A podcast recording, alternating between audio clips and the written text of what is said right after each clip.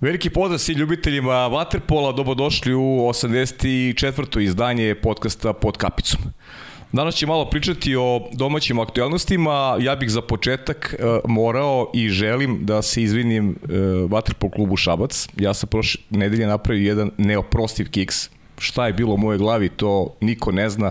Zašto sam ja e, sebe uverio da, da su odigrani i revanš mečevi i proglasio sam i polufinaliste i ogrešio se o klub koji je ne tako davno bio šampion Srbije, Šabac koji je napravio veliku senzaciju, eliminisao Crvenu zvezdu i Šabac je taj koji će igrati u polufinalu play-offa protiv Novog Beograda, drugi par čine Partizan i ekipa Radničkog iz Kragujevca, tako da, eto, izvinjavam se i ovako javno Vatrpolu klubu Šabac i želim im mnogo sreće u nastavku sezone.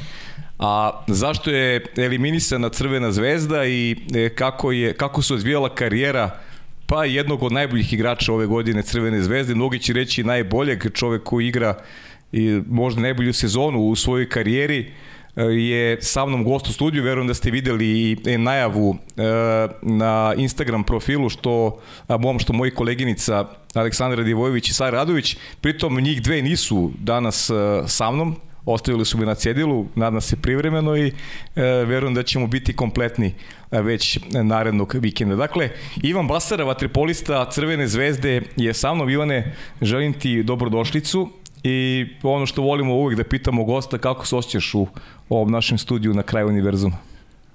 Pa pazi, hvala na, na pozivu u emisiju i da me, što si me uvrstio u svoju kolekciju ovih igrača i trenera i da ne kažem legendi koji su sedeli ovde na, na ovoj stolici. Uh, svakom slučaju ovde je jako prijatno. Ovaj, ne mogu da kažem da, da sam očekivao da će ovako izgledati studio, ali u svakom slučaju ima, ima ovde ovaj, razloga da se osjećaš prijatno kada sediš ovde na ovom mestu.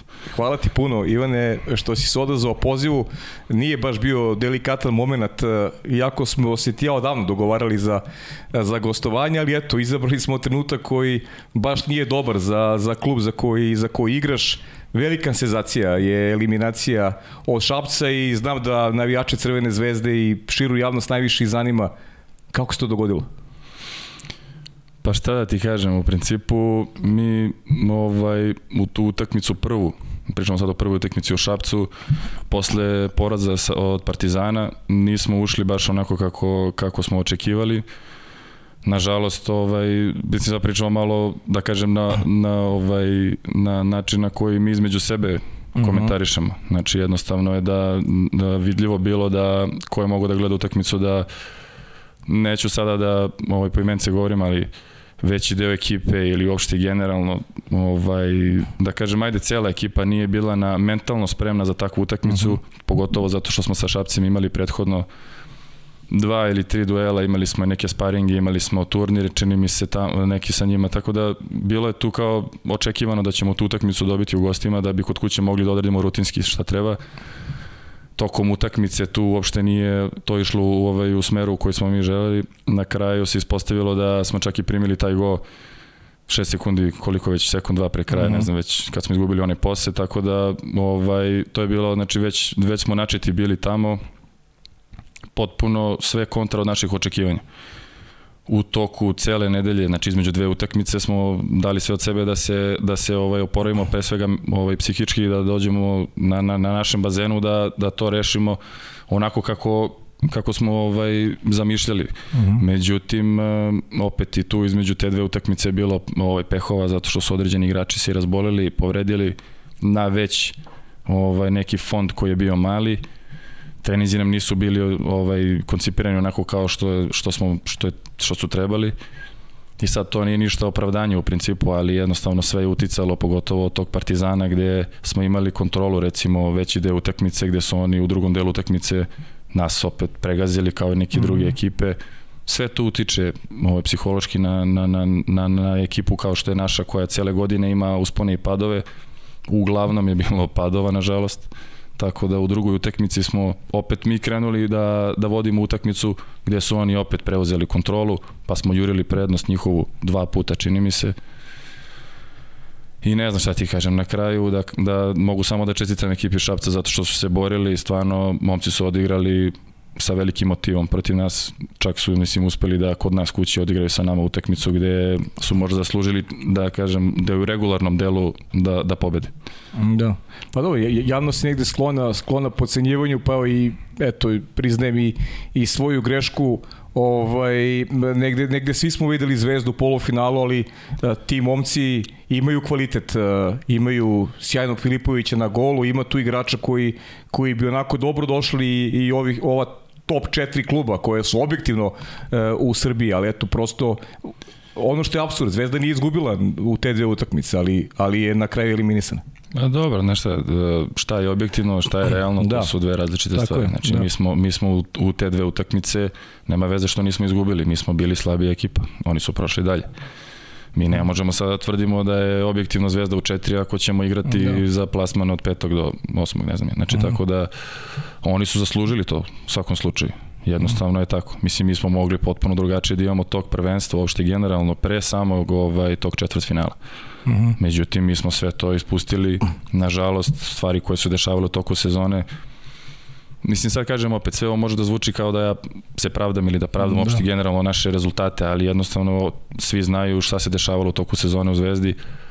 Nije nam bilo baš od pomoći, ovaj, nažalost, tako da, ovaj, eto, tako je rezultiralo tome da ja lično ću igrati recimo prvi put, čini mi se još od Beograda gde sam ovaj, počeo karijeru, evo mi je ne znam koji klub u Srbiji, ovaj prvi put da ću igrati za plasman od petog do osmog. Uh -huh. Znači nikada do sad nisam igrao za, za, za peto mesto recimo, nego sam stalno bio polufinale ili za neko treće mesto. Uh -huh. Tako da, ovaj, lično ja sam to doživeo jako emotivno, generalno mi je onako, mislim, nije, nije to ono čemu smo se mi nadali. Mislim, to opet kažem, to je ono kao što je objektivno, ali ono što se desilo je da. nešto sasvim drugo. Mislim, nažalost, je, nažalost, nažalost su po, po, po nas, nažalost su oni ovaj, ta ekipa koja, koja, koja je ovaj, u, u dvomeču samo na kraju bolja bila i to posle peterac. I napravili su ovaj, za sebe jako veliki uspeh, a Zvezda sada ima kao klub, uopšte generalno i mi kao igrači imamo jako veliki problem da se mentalno uopšte oporavimo i Zvezda kao klub da neke svoje planove koje imala za narednu godinu ostvari uopšte. Uh mhm. -huh. Kad pričamo o tim planovima, ajde da kažemo, onako sportski cilj sada mora bude ta peta pozicija, jer ona opet vodi u Evropu. A što je sad nešto gde ekipa mora se podigne i da opet objektivno je Zvezda bolje od ove tri ekipe s kojim će, sa kojima će se boriti za peto mesto, ali to treba potvrditi u bazenu. Pa pazi, sa ovakvim fondom igrača koji trenutno imamo, ovaj, posle svega što se dešavalo, jer znači, prate nas i, po, i povrede i uvrede tokom cele sezone. Mm -hmm. Znači, tako da ovaj, sa ovim fondom trenutno i ja bi isto kao ti razmišljao kao objektivno, ali da.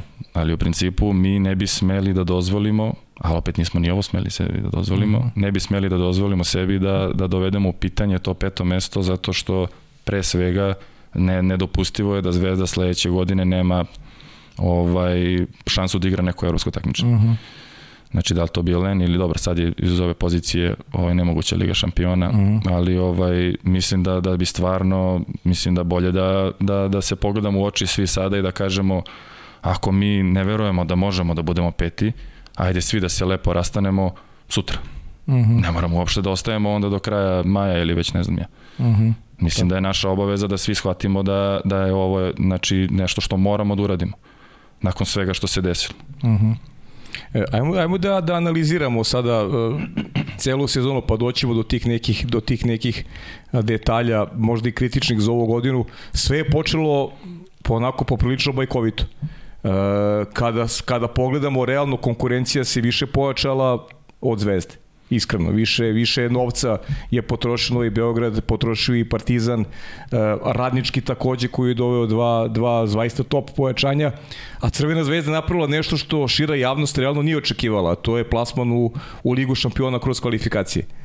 To je onako bio jedan vanserijski rezultat. Da li ste vi igrači uh, među, između sebe očekivali nešto tako ili je prosto eto i to došlo kao neki splet okolnosti, e, spoznaje da imate kvalitet za, za one najveće domete? Pa mi kao ekipa kad smo se skupili generalno ovaj dobra stvar je bila to što mislim da mislim da smo da smo se dobro uklopili. Pričam uh -huh. za mhm. početak sam. Jer uh, pričamo sad o tome budžeti, dovođenje igrača, novac i tako dalje, to što si rekao da su drugi potrošili više novca na ekipu. Mislim da Zvezda nije napravila grešku time što je napravila ovakvu ekipu. Uh -huh. Problem je nastao samo u jednom momentu gde, kao i svi, neka obećanja finansijska koja su bila vezana za, znači, ka klubu, uh -huh. da ne kažem sad ko je trebao da ispuni ta, uh, ta finansijska obećanja, da nije ni bitno u ostalom, su, su ovaj, preovladala kao problem. Uh -huh. Jer smo mi krenuli sezonu vrhunski, us, ovaj, imali smo uh, par nekih turnira gde je bilo okej, okay, Međutim, sam žreb u kvalifikacijama, kvalifikacijama nam je ovaj, bio odličan. Uh mhm. -huh. Mislim da smo to iskoristili na pravi način. Mi smo mogli umesto Savone u onom dvomeču da dobijemo, čini mi se, i OSC uh -huh. ili mhm. već ne znam koga, znači gde je prolaz bio mnogo teži. Savona nije, nije ekipa s kojom se lako igrali. Mi smo u dvomeču odigrali odlično, fenomenalno. Tako da mogu da kažem da smo zasluženo smo prošli. Znači, uh mhm. -huh. iako je žreb bio povoljan, zasluženo smo prošli. Znači, za to smo igrali i ozbiljno smo igrali u tom momentu. Dobar waterpolo smo igrali. Uh mhm. -huh. Bilo je posle toga još jedna utakmica u Ligi šampiona sa Špandavom kad smo otvaranje, otvaranje. Lige šampiona, znači dobili utakmicu na, na kod kuće i tako dalje. Znači nakon te utakmice u principu nama kreću neki problemi koji su preashodno bili u prvom momentu finansijske prirode, uh mhm. -huh. gde jednostavno ne možemo mi na jedan, jedan na drugog da utičemo. Mislim, ja bar tako gledam. Znači, ako neko odluči da se manje zalaže ili jednostavno ne vidi smisao ukoliko ima problem sa klubom koji treba da isplati određeni novac njemu, ne, ne vezujemo mi ugovore jedni za druge. Uh mhm. -huh. Znači, ja ako sam odlučio da igram, ako nisam dobio novac, to je moja odluka. Da, jasno. Druga stvar je što mi nismo u tom momentu pokazali da smo kolektiv kakav treba da budemo. Znači da kažem, ok, igramo veliko o, ligu šampiona, igramo znači ovo najzbiljnije takmičenje klubsko, hajde da damo sve od sebe, ima tu i dosta mladih igrača koji nisu ni afirmisani. Na početku si spomenuo da sam ja kao tu najbolji igrač ili šta god nebitno. Meni to, ja sam ti to već rekao, mm -hmm. meni, to, meni to lično ništa ne znači u smislu da mene neko ovaj gleda kao najbolji igrač Zvezde. Ja ovo uvek, uvek prija da kažeš uh -huh. da si mhm. da si neko ko je okarakterisan kao kao ovaj neko ko se stalno bori i daje sve od sebe. Ali žao mi je zato što određeni mladi igrači nisu prepoznali sebe da recimo nebitno od situacije finansijski ovakve ili posle su bili tu problemi sa trenerom, znači i tako dalje, tako dalje, mhm. -huh. odjednom da ne treba te da, da ih interesuje. S obzirom da su došli u poziciju da mladi igraju u ekipi koja je imala potencijal čak možda to, to je kad smo ušli Ligu šampiona su nas i već videli na nekom Final Eight-u. Uh mhm. -huh. Mislim, to je mislim, evo šta se sve dešava, koliko je tu prevrata bilo oko te četvrte pozicije uopšte generalno i mm, da. ono, mislim tokom, tokom, tokom, jer ima dosta utakmica. Mm. To nije kao pre, ono četiri ekipe u grupi, še, ne znam, šest utakmica i sad ti ajde prođi mm -hmm. u dve. Da imaš Ima... jake utakmice na domaćoj teritoriji. Pa to je sad druga stvar, što smo imali, znači, utakmice koje, na koje nismo navikli da kod kuće budu ovoliko jake, jer su, kao što si rekao, svi su se pojačali. Uh mhm. -huh. Plus na sve to je odlučeno, čini mi se jako kasno čak da se igra i ta Jadranska Jest. u formatu u kom se, ovaj, e, kom se igrala, znači sa, sa tim turnirima gde ako se sećam posle prvog turnira mi smo bili u Splitu, sve tri ekipe ovaj, koje igraju Ligu šampiona u Srbiji su izgubile naredno kolo u Ligi mhm. šampiona. Znači to mhm. je bilo ne, ne, jednostavno previše čak i za te ekipe koje su imaju fond igrača za koji si rekao da su i potrošili mm. više novca i tako dalje. Ja čak ako se dobro seća, čak mislim da je Zvezda igrala sa Hanoverom u Beogradu posle Lige šampiona. A to je bila jako važna utakmica u tom momentu za plasma, ako se ja dobro sećam. Moguće da trebali smo da putujemo, pa nismo mogli da odemo tamo. Mi smo sa Hanoverom zamenili uh, domaćinstvo. domaćinstvo zato što zbog vakcina, valjda nešto uh -huh, je mhm, bilo. Uh mhm. -huh. Mislim tako da tako da ovaj Generalno kažem, znači sve, sve, sve počelo tako što je ovaj, jednostavno finansijski deo bio problem, uh mhm. -huh. koji se posle pretvorio u problem da, da je klub odlučio da promeni trenera, pa je onda posle toga ovaj došlo sve ono što je bilo uh mhm. -huh. vezano za, za, za Vičevića. Uh mhm. -huh. Tako da ovaj prati nas cele sezone, nismo imali mir u smislu da kažeš kao što su neke druge ekipe mogle da Na primjer, Partizan je prošle godine imao kiks koji smo mi napravili, da kažem kiks. Igrali su bili za isto od petog do osmog, nisu uopšte Evropu ove godine nisu ni takli, uh mhm. -huh. ali zato ove godine oni igraju na, u domaćem prvenstvu, igraju odlično. Uh mhm. -huh. I to sve bolje i bolje. Znači na to mislim. Oni uh mhm. -huh. generalno podižu svoju formu tokom prvenstva, imaju vremena i da se spreme i da se doteraju, iako su doveli dosta tih nekih igrača sa strane, jer trenutno kakva je situacija u Partizanu više iz podmatka ne mogu da izvuku kao nekada ranije, uh mhm. -huh. nažalost. Ovaj, tako, da, tako da oni su pokazali da ispalo je ove godine bolje da recimo onaj ko ne igra evropsko takmičenje mm -hmm. ima benefit od toga mm -hmm. zato što može da se osloni na svoje mogućnosti mora raspolaže 100% mm -hmm. a ne sad recimo ovo nagužvanje raspored bio recimo u prvom delu sezone smo zbrojali nešto sa nekim turnirima što smo igrali da smo odigrali tipa 40 utakmica za 3 meseca mm -hmm. mi i onda je došla ona kratka pauza jer je svetsko prvenstvo trebalo da bude pa je taj termin promenjen raspored je bio do nove godine, za drugi deo sezone potpuno drugačiji. Mm. Znači planirano je bilo opet da se nastavi jako sa, raspore, sa, sa ovaj brojem utakmica, međutim onda su i to promenili. I sad recimo se dešava da u aprilu imam dve utakmice samo. Mm -hmm. Mislim, totalno je da, da. ritam poremećen skroz, jer ovaj, nažalost, eto, i zbog toj korone, i zbog svega, i tu se menjaju pravila, pa ne znam, eto, Zato ovaj, i to je u stvari uticalo na promenu termina za svetsko prvenstvo. Tako pa, da, pa svetsko ima, nema. Pa to kažem, znači generalno nije nam nama, znači sa ovim fondom koji imamo i generalno tu su, ima dosta mladih igrača koji nisu još uvek realno afirmisani, koji možda nisu neku svoju ulogu shvatili ove godine. Zašto je to tako? Mislim, ja ne znam. Jednostavno to je tako. I mm -hmm. nažalost, evo recimo, niko o tome ne razgovara, ali i nije opravdanje pred Šabac drugu utakmicu smo imali recimo slabiji izbor u smislu ko ti je na raspolaganju. Uh mhm. -huh. Znači sad pored, da poredimo tu ekipu, znači ko je bio na raspolaganju, ko je mogao da igra utakmicu, kažem, pored ovih svih što su povređeni, pored ovih trenutno koji su tu, uh, u odnosu na prošlu godinu i na, na kraj sam recimo to polufinale koje smo igrali. Razumeš, sad su ti mhm. igrači koji su otišli iz Zvezde, na primjer, po nekim drugim klubovima prošle godine koji su bili tu, kad brojiš i kad pogledaš na pozicijama, sad smo imali mnogo slabiji roster, da kažem, -huh, razumiješ? Uh -huh. E sad to nije opet opravdanje. Samo kažem da jednostavno, nažalost, i, i to nam se desilo. Pa iznosimo fakte prosto, ne, ne, mislim, kako god to zvučalo, prosto a pričamo ono što je što je što je aktuelno mnogi ne znaju šta se sve dešavalo u, u, u predigri te utakmice. Pa, mislim kažem ti, to je to je samo splet okolnosti takav bio da jednostavno ovaj oni recimo za tu utakmicu vrate Ogija. Da koji inače ima povređen prst, ozbiljno povređen prst, mm -hmm. on dečko odigra utakmicu fenomenalno. Mislim, može čak i prevagne na njihovu stranu Pa, da. Gde mi recimo u, tom periodu gde oni vrate njega i Markovića zbog kazne koji nije igrao u prvoj utakmici, mm -hmm. mi izgubimo dva igrača. znači, tako Ko da... nije igrao u... Dobro, nije igrao Gardašević i, mm -hmm. i Jogi je imao povredu zgloba, mm -hmm. znači igrao je, ko mogu da gleda utakmicu, ovaj, video je da, da, nije, da nije mogo da igra normalno. Da nije fit, aha. Da, da, znači mm -hmm. loptu nije mogo da drži u ruci uopšte. Mm -hmm. Gde je dobro, Velja svakako već nije igrao nije zbog povrede kolena i tako mm -hmm. dalje. Znači. Mm -hmm. Znači to je već tu upada u priču opet što smo pomenjali malog ovog Gajića e, da. rođu koji sad odjednom sa 16 godina tak, takav nam je ovaj takav nam je rotacija da mi od njega očekujemo sad nešto eto dotle smo došli znači. Uh mhm. -huh. Što opet kažem, nije opravdanje, mislim, ali Šabac je prepoznao šansu u, to, u svemu tome, mislim, i poznavajući svoje kvalitete. Druga stvar, oni su promenili trenera isto tokom ove godine, uh mhm. -huh. do duše samo jednom. Uh mhm. -huh. I, ovaj, I mislim da su uradili pravu stvar.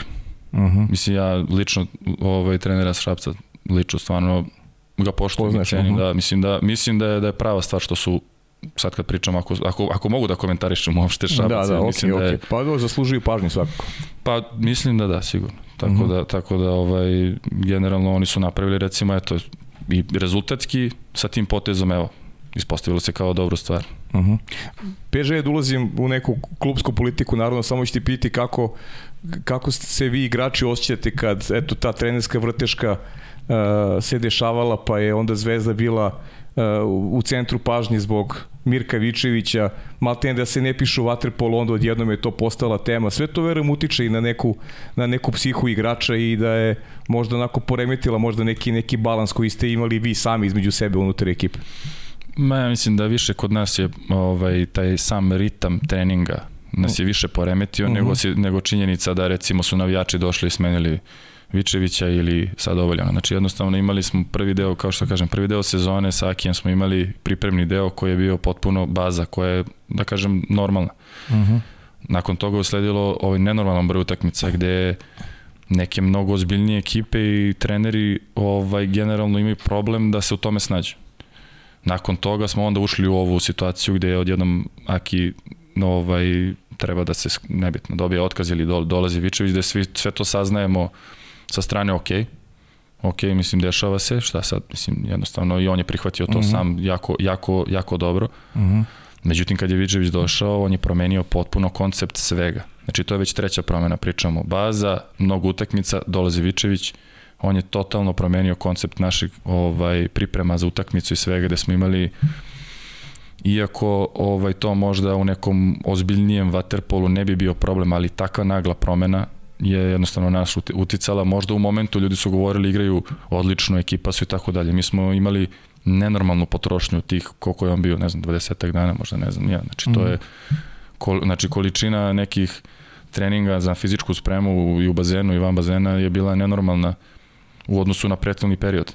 Mm -hmm. Gde kad je on otišao, opet je nastupio perioda tad nismo znali ko će da nam bude trener. Bašić se tu nametnuo kao neko ko je vodio prvu ekipu, gde smo očekivali čak možda s obzirom da Deki uopšte nije bio u priči, jer je već duže vreme pregovarao, ali nije se ništa dešavalo. Uh mhm. -huh. Logično nam je bilo ako je Deki bio u priči da ga dovedu čak pre nego što su doveli Mirka. Uh mhm. -huh. Međutim, ako tad nisu doveli Dekija, računali smo da neće dovesti ni posle, nego da će možda ostati Bašić i da će biti tu još Balša kao kao njih dvojice i ovaj kao da kažem oni što su ostali praktično mm, koji da. su i bili i ovaj onda je tu sa sa Bašićem jednostavno atmosfera već bila takva da ne, nema tu prave prave radne atmosfere kad se već toliko promena izdešavalo i sad je tu već ono i afera znači to više mhm. nije smena sama trenera nego to je afera provoče se kroz novine sve i svašta ne, izašli smo u u ovaj u, u čak u, u vestima smo izlazili mislim kao da, kao da. klub na na, lošem glasu. Da, jasno. Mm. Posle toga je ovaj došao Deki za koga ja lično smatram da to sam već i rekao da ne može nikada da bude greška ako dođe Dejan da bude trener bilo koje ekipe. Mm. Međutim to je opet sad jedna promena još jedna znači gde mi krećemo uh, sa njim tako što dobijamo utakmicu sa Novim Beogradom gde on bio na tribinama tada u tom momentu i gde u principu polazna tačka nije, je odlična. Nije, nije loše, nego je odlična. Odlično, da. Dobijaš Novi Beograd, neočekivano praktično, uz, posle svih tih problema dolazi Deki i sad bi mi trebali tu da krenemo da se dižemo. Međutim, način na koji Deki radi, jednostavno to se ispostavilo i to je, mislim da je on sam prokomentarisao da ne može cela ekipa da isprati. Znači, on radi na određeni način koji je na najvišem nivou, nije za džabe jedan možda i najbolji trener na svetu. Uh -huh. I ne, jednostavno za to treba svaki igrač da bude spreman i psihički i fizički kako god. Uh -huh. A mi imamo problem gde ja lično mislim da dosta nekih igrača tu koji još nisu afirmisani su imali možda strah malo od njega. Aha. I da je sve to u stvari rezultiralo tome da mi ne možemo više da se pokvatamo u igri. Znači to nisu, ono od nas nije tražio ništa specijalno. Uh -huh. Pripremao nas je na određeni način koji je, da kažem, za utakmicu, za, za, za utakmicu. Znači nije nas on spremao sada za ne znam kakve pohode, nego za svaku utakmicu. Gde to nije ništa komplikovano. Međutim, mislim da je tu određeni strah jer jednostavno on sa sobom vuče, mislim, šta vuče, mislim, zna se ko i šta je. -huh. To je ono što ja mislim da se dešavalo recimo u prethodnom periodu, sad kažem ti, to je prevrat se dešavao na svakih mesec i po dana, mesec dana da. u proseku, znači mm. i trenerski i ovako i onako. A pazi, nije da, da, da niste dobro izgledali, evo ja, se, ja sam gledao utakmicu protiv Partizana na Banjici, recimo onaj prvi deo meča gde je meni izgledalo uh, da, da Zvezda ne može da izgubiti utakmicu.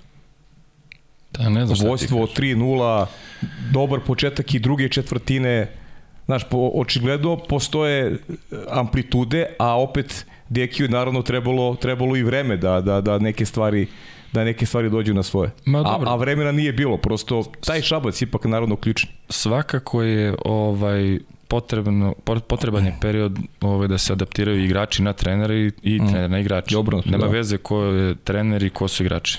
Ako se ovakve stvari dešavaju kao što su se dešavale, to je jednostavno normalna stvar da se da se znači jedni prema drugima da se adaptiramo jedni na druge praktično nije bilo vremena za tako nešto. Je sad, koliko je tu ko bio svestan da Dek je postao svestan još, još, još pre te utakmice mnogo da mi imao problem sa tom trećom četvrtinom famoznom. Mm -hmm. to se i desilo opet u principu, znači negde kraj druge, treća, mi smo opet tu izgubili utakmicu u suštini. Mm -hmm. Tako da ovaj tako Ona da serija 4-0 koju je Partizan napravio nešto od od 5-7 do 9-7. Al to je to nije bila jedina utakmica. Mhm. Mm Mislim mi smo gomilu utakmica tako tako izgubili. Nažalost. Pa Marseille, recimo, seća se u Ligi šampiona, recimo Marseille, gde ste odigrali perfektno prvo polovreme. Mislim da je to čak možda tad i počelo da kažem u drugom delu sezone sa Marseille. Mm -hmm, sa Marseille. Da, zato što smo e to je to je o čemu ti pričam Mirko je došao i određeni e, ritam treninga je nametnuo gde smo imali veče veče znači pred tu utakmicu. Mi smo imali ozbiljan plivački trening gde mislim da da niko nije mogao sutradan da izdrži recimo četiri četvrtine u ritmu kakav mm -hmm. Marseille ima, na primjer. Mm -hmm. I da smo zato pali tu. E sad, posle to prelazi malo psihološki problem, znači, mm -hmm. kroz vreme. Mm -hmm. Jedina stvar je da sam ja prokomentarisao čak i posle utakmice sa Novim Beogradom, da sam ja spomenuo da je karakter ono što je pobedilo na toj utakmici zato što smo znali za problem treće šestine, znali smo za problem koji imamo, znači da padamo u jednom momentu da smo to na toj utakmici izdržali i to protiv kakve ekipe. Mm -hmm. I iskreno sam očekivao da ćemo tog momenta plus, jer smo znali da Deki dolazi praktično sutradan, da ćemo taj problem prevazići ili da smo ga možda čak i prevazišli. Mm -hmm. Međutim, ispostavilo se na kraju da da to nije baš tako. Uh -huh. Tako da igram slučaj i spletom okolnosti ove godine mi smo u principu uh, imali početak sezone koji što ti kažeš bio bajkovit, uh -huh. onda smo imali u period recimo od posle Špandaua do nekog tamo sredine decembra gde smo praktično uprskali sve što smo, znači sve, do Rumuna, do utakmice u Bukureštu. U Bukureštu, da. Znači mi smo sve već tu što se tiče Liga šampiona, ovaj smo ono, znači mi smo došli do toga da igramo Ligu šampiona, čisto je to tako. Za mene, recimo, to je nezamislivo. Znači, mhm. jedno, nisam nezamislivo, bio sam u toj, tu sam, ali da, da. jednostavno da mi dozvolimo da igramo uh, neko tako takmičenje na tom nivou sa tim brojem utakmice, ekipa, da se to toliko prati, znači, posle, mislim, igrao sam i pre, nije, se toliko pratilo, sećam se ranije Liga šampiona u Waterpolu nije znao niko ni da se igra. Sad se prenosi non stop svuda, znaju svi, ima čak i ovih portala, mm -hmm. Lenje napravi onu platformu i tako dalje. Znači, mm -hmm. Prati se mnogo toga. Da mi dozvolimo sebi da recimo igramo to eto tako i da odlazimo na utakmice eto tako, Lige šampiona. Tako da ovaj ne znam da li će neko da se naljuti na mene zbog ovoga što pričam ovako, ali mislim za mene su to činjenice. Znači da, da smo da. mi kao kolektiv i kao ekipa dozvolili da igramo uh, Ligu šampiona na taj način. I to smo sami sebi, znači. Mi smo imali ekipu koja je pokazala da, to jest, ima, imali smo, govorim zato što mislim da je ova ekipa više nije ona s početka. Uh mhm. -huh. Znači, mi smo imali ekipu koja je pokazala da može da igra sa ozbiljnim ekipama u Evropi. Sad ne kažem da bi osvojili ligu šampiona, ali mislim, daleko, da. daleko od ovoga što sad igramo i što se desilo na kraju. Da, ali očigledno je, mislim, ja, jako si iskren i, i mislim da bi trebalo da se izvuku samo povoke iz onoga što pričaš evidentna je tvoja najbolja namera, A, a kaži mi kada govorimo o nekim pozitivnim stvarima u smislu neke promocije mladih igrača, e, koliko si u tom pogledu kao neko ko je jedan od iskusnijih u timu zadovoljan, jer, jer Zvezda ima onako određeno blago u svojim redovima, momke koji su bili i svetski šampioni, e, pričao si o, o Malom Gajiću koji je bio prvak Evrope, e, ne može baš svaki klub da se pohvali sa time da, da ima i svojih redova, da crpi neku, neku energiju koja bi u budućnosti mogla da onako e, klubu dosta pomogne. Pa ne samo klubu, nego i srpskom vaterpolu. A, dobro, mislim, svi oni znaju generalno, mislim, mogu nekada da se ljute na mene ovako, onako, uh mhm. -huh. ali svi oni znaju da, recimo, sve što ja njima pokušavam da, da, da kažem na ovaj ili onaj način, nije ni bitno. Uh mhm. -huh. u, u ovom ili onom momentu, ovako ili onako, da ja to sve radim da njima pomognem. Uh -huh. Kad pričamo o, o mom ovaj, uticaju na njih, uh, mislim da su oni ti koji trebaju da, da, da malo neke stvari kod sebe ovaj, koriguju, da mislim da su oni ti koji iz ove sezone treba da izvuku pouke i da nauče mnogo stvari nekih koje recimo ja nisam imao nisam imao privilegiju do njihovim godinama tako nešto naučim. Uh -huh, uh -huh. I da imamo ovakvu sezonu iza sebe. Uh -huh. To je ono što da kažem, ajde da izvučemo nešto pozitivno iz svega. Uh -huh. Znači da ti isti mladi igrači koji su Zvezdin, Polbandak i sve, znači da oni iz ovakve sezone koje je rezultatski pro, neuspeh, realno, sledeće godine budu mnogo jači, pre svega mentalno. Uh -huh. Znači da dođu sled, na, sled, na sledeće sezone i da potpuno drugačije pristupe bilo kom tipu problema i da oni totalno drugačije pristupe svakoj utakmici ili nije bitno šta će se igrati, znači koje takmičenje. Pre svega, pre svega zbog svog performansa, a kasnije naravno, znači zbog predstavljena kluba, mislim, ne, mislim mi ne, ne igramo, svako igra neku svoju igru, ali predstavljaš klub, mislim, nije, nije to sad nešto sad ne, ovaj, što, što, što mi ne znamo sad. Mislim da svi prvo uvek igraju za sebe i za svoju uh mhm. -huh. rolu. Mislim svako je odgovoran za svaki svoj potez uh mhm. -huh. u, u bazenu. Yes. Te kasnije dolazi to šta mi ukupno svi zajedno predstavljamo klub. Uh -huh. Tako mhm. da oni moraju da nauče da, da svaki pokret njihov, svaki potez, svaki pristup utakmici je samo njihov. Ne mogu ja da ga spremim, iako smo mi sa igrači. Uh -huh. Mora sam da se spremi, svaki taj igrač. Uh mislim da smo ove godine podbacili na, na tom planu pre svega. Tako da eto, znači to može da bude ozbiljna ozbiljan ovaj ozbiljna ozbiljna sezona u tom smislu, znači za za nauk. Mhm. Uh -huh. Da, A, kaži mi ti mladi momci sledeće godine u timu sa Ivanom Basarom ili ili bez njega? Misliš da li ja ostajem? Da. Pa pravo da ti kažem, ja sam, ja mislim, jedan od jedinih koji ima ugovor još, znači još i sledeću godinu. Aha. Jedan sam od redkih koji ima vezan ugovor ovu i sledeću godinu u Zvezdi. Mislim da ima možda samo par. Aha. Tako da ovaj, sa, sa, sa ove sad tačke ovaj, kad, kad pogledaš ono, ako, ovako ugovor išta vrede u, kod nas, znači ja, ja sam u Zvezdi, tako da, da ovaj, vidjet ćemo šta će se izdešavati sad da tu temu ne načinimo. Ne, ne, ne, naravno, naravno, to, to je o, o, o tom potom, a A kaži mi, ovo, ili ima još nešto što, što bi teo da kažeš vezano za Zvezdu ili, ili možemo da počnu da analiziramo malo ovo domaće takmiče i regionalnu ligu, ligu šampiona? Ne, mislim, nema šta ja da pričam o Zvezdi, u principu, ja, ovo je moja druga godina tamo. Da, ja... mislim o, o, o sezoni, ne? Pa dobro, mislim, sezona ko sezona, kažem ti, to je sada već realno, mislim, nije završena priča, jer i obaveza ostala da, da igramo za to peto mesto, ovaj, ali sezona ko sezona mogu samo da konstatujem da ja lično mislim da je rezult, veliki rezultatski neuspeh. Uh mhm. -huh.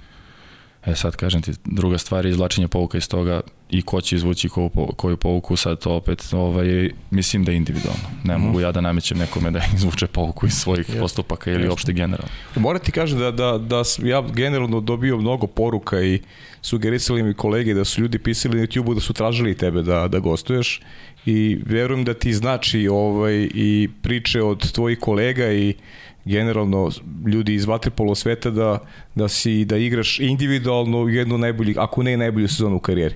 Pa nešto si mi pričao pre početka emisije, da. pa ajde, prilika je, prilika je da, da to ponoviš i ovde, ovaj, Uh, možda ljudi nisu, nisu navikli da Ivana Basaru gledaju u, u onako u ključnoj golgetarskoj ulozi, pa ajde da, da malo pojasnim šta, šta se dešava, e, kako, kako je nastao moment u kome je Ivan Basara procvitao u tom golgetarskom smislu.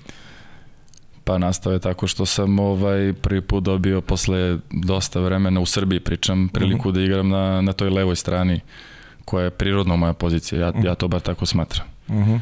ovaj, a ceo problem sa tom levom stranom, desnom stranom je nastao kada sam otišao iz Vojvodine u Partizan jer ovaj te godine je trebao Igor Milanović da bude trener Partizana, igrom slučaja zbog problema ovaj, mhm. privatnih, eh, jer moja žena bila bolesna mm -hmm. u to vreme, on je odustao od toga da bude trener i vlada je preuzeo ekipu.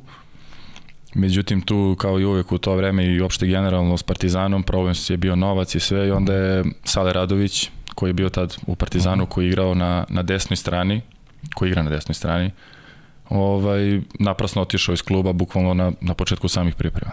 I tu se upraznilo mesto ovaj, gde na levoj strani u tom momentu igraju Mitarićuk od ovih, da kažeš, igrača ozbiljno. Uh mhm. -huh.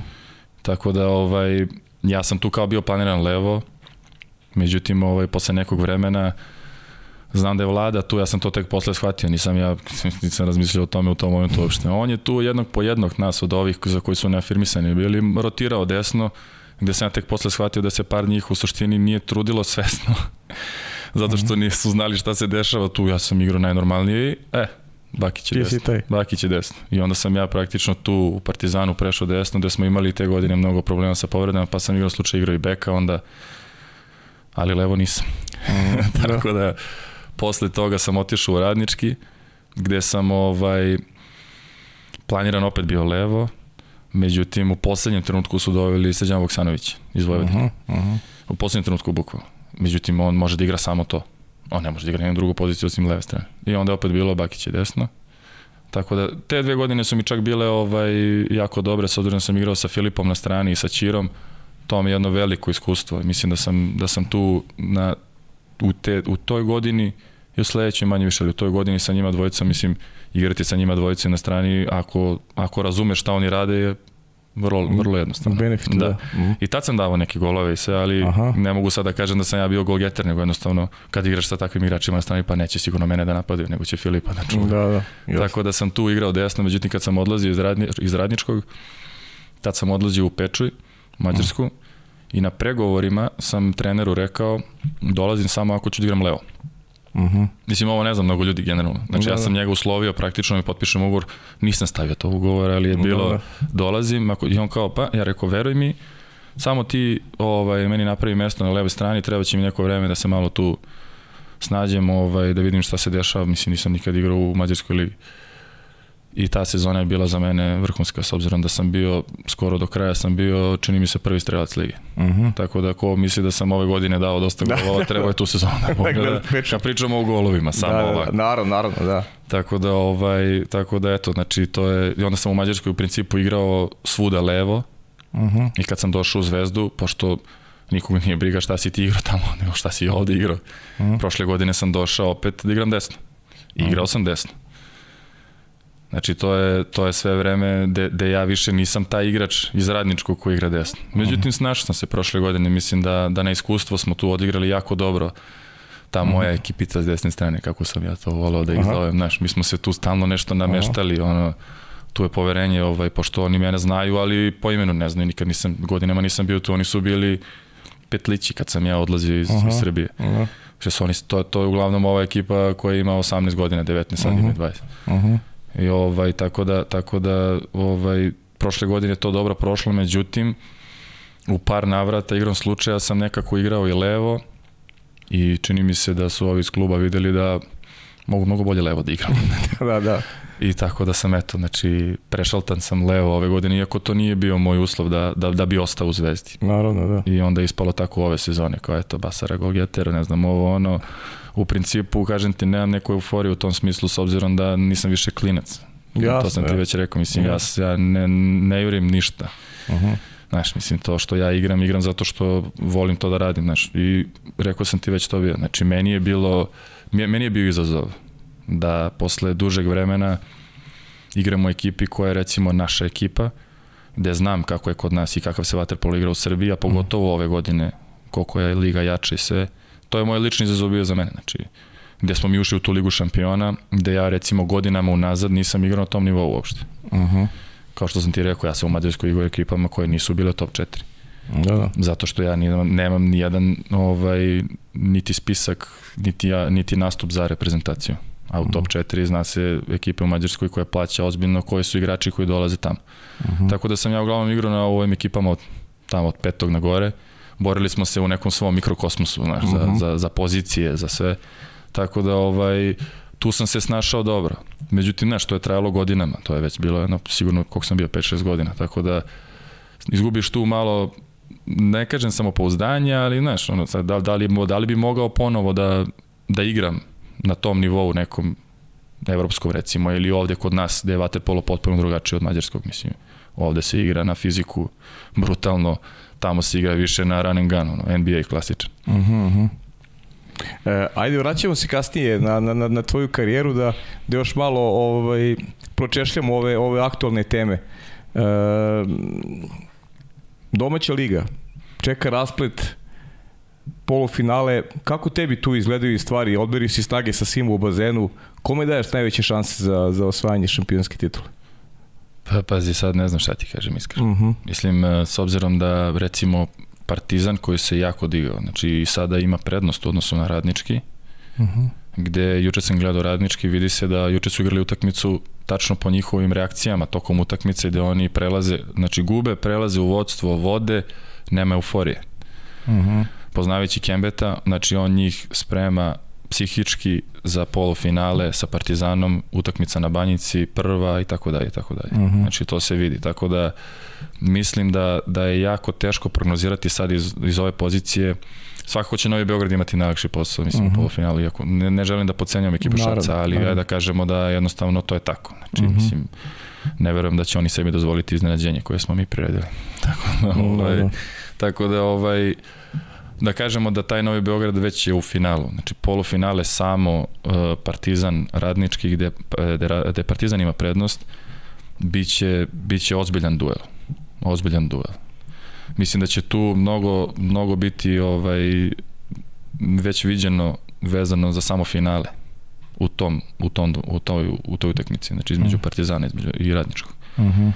Jer Novi Beograd ima ima poziciju gde neće morati mnogo da se trudi da uđe u finale, da li će oni biti najspremniji bez neke da kažeš bez naboja gde će ovi doći jedni ili drugi bilo ko da uđe, gde će doći sigurno sa ovaj više samopouzdanja u finale ko prođe, to je taj dvomeč. Mhm. Uh -huh gde može sigurno jako, jako do, dobro finale da, da, da se odigra čak, pa i prošle godine nije bilo nije bilo, jeste Novi Beograd, uh, tačnije uh, Radnički. Radnički na Beograd, da. Radnički, Radnički je, ovaj, ali nije, nije bilo ništa određeno. Znači, mm -hmm. čak i prošle godine. Pa ove godine su ovi, je Novi Beograd mnogo, mnogo jači, da kažem, po sastavu, to svi znamo, mm -hmm. i u Evropi, svuda, ali skloni su kiksevima. I to ozbiljnim yes, kiksevima. Da i to ekipe koje dolaze, na primjer, kogod da dođe u finale sa njima, će ovaj, to znaju. Uh. -huh. Svi to znaju. I oni znaju, što je, što je isto, čak i ako je Igor na klupi koji je ume da bude jako veliki motivator. Mislim, nije, nije da. to stvar. Uh mhm. -huh. Ali mislim da polufinale ko Partizan radnički, iskreno mislim da to polufinale neće biti klasično polufinale gdje ako neko prođe da će se istrošiti emotivno, nego mislim da će dobiti još sa ulaskom u finale i da će sami tim samo finale biti onda na no što se kaže, ne, ne, ne, ne, ne, znači kažem ti ne mogu da prognoziram da kažem uh -huh. me, mislim da su ovi favoriti osvojići. Da. Samo iz ovih razloga što sam ti sad rekao. Znači da postoji splet bukvalno koji može da totalno promeni uh mhm. -huh. sve na kraju. Uh -huh. E, naigrao si se tih jadranskih, tih regionalnih liga, da li deliš utisak da je ove godine najkvalitetnija uz, uz sva taj promašaj iz mog ugla vezano za, za te turnire gde su se mnogo trošili igrači i klubovi što je uticalo i na, i na Ligu šampiona odigrati četiri meča u pet dana to zaista nije normalno ali nekako su se eto iskristalisala ta četiri kluba koji će se boriti, boriti za titulu pa kako gledaš celokupnu sezonu? Pa što se tiče same Jadranske prva stvar meni lično nije jasno zašto su toliko kasno odlučili da se uopšte ona igra.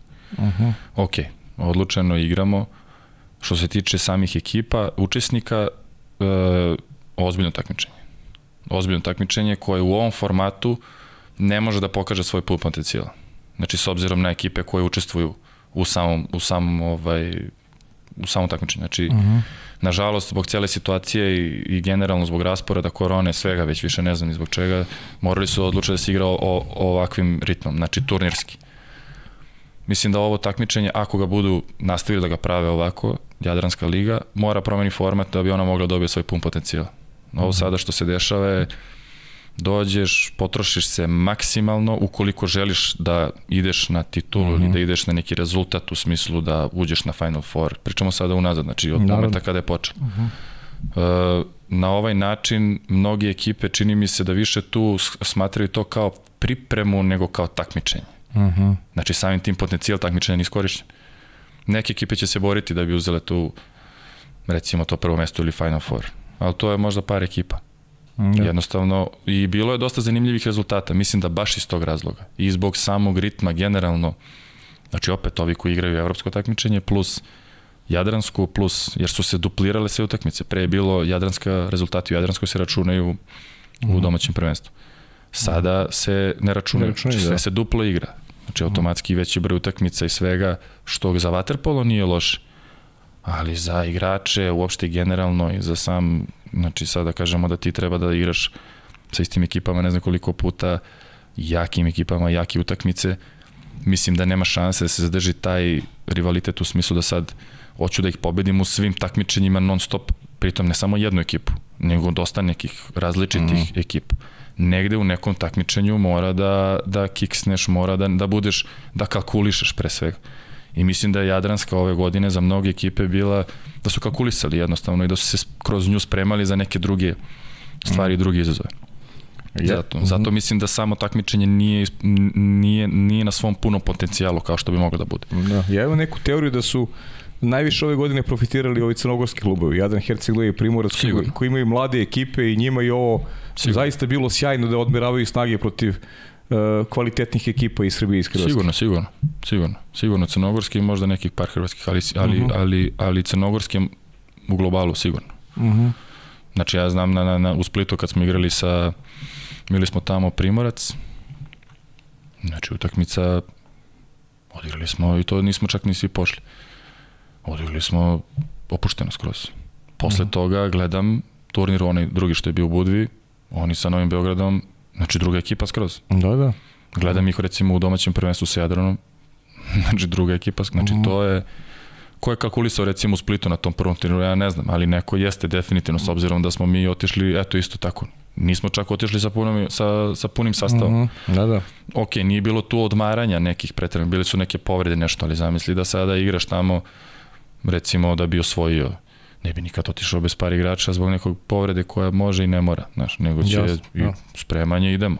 Mm. I nismo mi jedini, znači mnogo ekipa tako. Tako da samo takmičenje generalno i znači da kažem sada te ekipe koje igraju znači koje su u takmičenju u ligi, toj, u Jadranskoj ligi, možda može da parira, mislim ne može parira Liga šampiona, jaka, jaka Liga šampiona ove godine, baš dosta, mm. ali, ali mislim, od Lena je, ne, nema, šta, nema šta se poredi, jače mi je sto puta nego, nego na primjer Len. Da, da, da. Ali kad bi se igralo, tu, stvarno, da, stvarno kad bi da. se stvarno da, da, da. razumim? Mm. Tako da, eto, to je otprilike moje mišljenje o Jadranskoj, gde se nadam da, da, da, da će ostati takmičenje kao takmičenje, ali da će morati mnogo da porade na samoj organizaciji. Mhm. -huh. Pa ali bi zagovaraš to da se eto opet recimo računaju utakmice koje se igraju Jadranskoj za domaći šampionati, mislim, ali konkretno pričamo o Srbiji. Da, znaš kako, to više govorim zato što uh, problem je onda za ekipe koji igraju o Evropu. Zato kažem. Uh mhm. -huh. Znači mora, mislim ja se ne bavim organizacijom. Znači ljudi jednostavno uh -huh. koji se time bave moraju da osmisle sistem po kom neće neće se neće ekipe trpeti. Pogotovo uh -huh. ove koje pretenduju da igraju na primjer sva takmičenja ili takmičenja ili pretenduju da osvoje. Uh Znači moraju da, moraju da se, mora se osmisli sistem u kom najbolje ekipe koje izdvoje čak iz, između ostalog i mnogo novca i resurse na razne načine jure da, da naprave vrhunsku ekipu, uh mhm. -huh. da ih ne troše na sve strane. Naravno, postoji potrošnja, ali ne totalno bez no, mislim da se da se rasipa energija, da se rasipa sve to što si se trudio da napraviš zato što organizacija nije na visokom ili na dobrom nivou, ti ćeš da potrošiš. Mhm. -huh. Ili deo toga pa ćeš onda na nekom drugom takmičenju gde ti je bitno, nećeš moći da daš svoj potencijal. Tako je, da, jasno. Znači jasno. mora sama organizacija se podigne na više nivo. Kažem ti, ja se time ne bavim, ali, da, da, ali da. evidentno je da, da je tako. Ne, prosto nekako kroz emisiju imam potrebu svašta nešto te pitam, jer ovaj, vidim koliko si iskren i, i elokventan, tako da ovaj ajde malo da da malo da skratimo ovaj da te da te ne ubacujemo u neke u neke priče koje nisu ovaj realno u tvom domenu. E, teo sam da te pitam još vezano za ova takmičenja Liga šampiona. Eto ove godine je Zvezda u u eliti, malo pre si sam rekao da je da je takmičenje izuzetno kvalitetno, pa ajde malo da ga, da ga analiziraš i, i kroz ove srpske klubove, mada prilično nezahvalno, ajde više da potenciramo na, na, na priču koja ti se ekipe najviše svidela, kako ti, kakav raspet očekuješ na, na, na filmnom turniru koji si igra u Beogradu? Pa znaš kako, sad je to, ovaj, juče sam baš pogledao malo neke utakmice, iskreno ti kažem, ono što sam primetio je generalno da mi se vaterpolo koji se sad igra u, ovom, u ovoj fazi Lige šampiona uopšte ne sviđa. Meni uh mhm. -huh. lično. Zato mhm. što je prešlo u totalni neki haos. Uh. -huh. Verovatno svi su i umorni više, ne znam nije. Znači, početak Lige šampiona i utakmice uopšte generalno kako su izgledale, kako su se nadmetale, drugi vaterpolo skroz u odnosu na sad. Mhm. -huh. Verovatno i zato što sad već se neki rasplet zna ko ide, ko ne ide, tu se samo par ekipa još bori za poziciju i tako dalje. Ovaj, generalno, mislim da tu, recimo taj Olimpijakos, spominjali smo na početku, mhm. -huh. odličan početak, sve sada već to nije taj Olimpijakos. Da li oni imaju nekih problema unutar uh -huh. ovaj, kluba, to je sad njihova stvar, ali onaj ko ima kontinuitet, recimo, to je Breša, na primer, Ferenc Varoš je imao dosta nekih utakmica nerešenih, ali oni i dalje, iako nisu sad trenutno na poziciji koja ih vodi ovaj, na, final, na Final 8, Oni recimo igraju konstantno, mislim, u nekom svom tom rangu. Da, dok Varka ne igrao, tu je bio problem. Ok, ali to je sada par utakmica bilo. Pričamo mm. sada o tome da oni generalno tokom cele da. sezone da. imaju neki svoj kontinuitet u rezultatima, u smislu mm -hmm. da ne, ne, ne, ne talasaju mnogo. Znači sada tu, ne znam, ta breša, kažem opet, oni su tamo i prvi, dobro.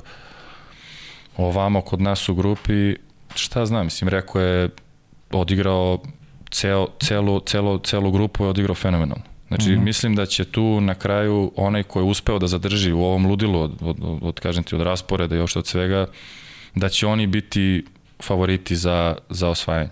Mm -hmm. Gde opet, opet se vraćamo na onu priču, sam Novi Beograd, na primjer, ima, znači, talasa, neverovatno, znači, sa rezultatima, da se razumemo, realno. Gde opet bi ja na kraju stvarno voleo, što sam ti već i rekao, voleo bi da oni osvoje Ligu šampiona. Znači, naravno. apsolutno nemam, nemam ništa protiv sad ovo što se dešava, i politika i ovo ono, mene to ne interesuje. Znači pričamo sada da su oni jedina srpska ekipa koja će igrati na tom završnom turniru. Tako je. Za naš vaterpol uopšte bi značilo, za sve nas uopšte generalno bi značilo da srpska ekipa uzme Ligu šampiona. I oni imaju tu ekipu, znači oni nisu tamo da kažem, iako imaju taj wildcard za, za Final Eight zbog uh mhm. -huh. ovaj, organizacije, ali oni nisu ekipa koja je recimo Hanover, kad je on dobio, kad su oni dobili organizaciju, oni su svi su znali, znači da će da neće ići, neće moći da dođu do polufinala, znači. Uh mhm. -huh. I tako je bilo u principu.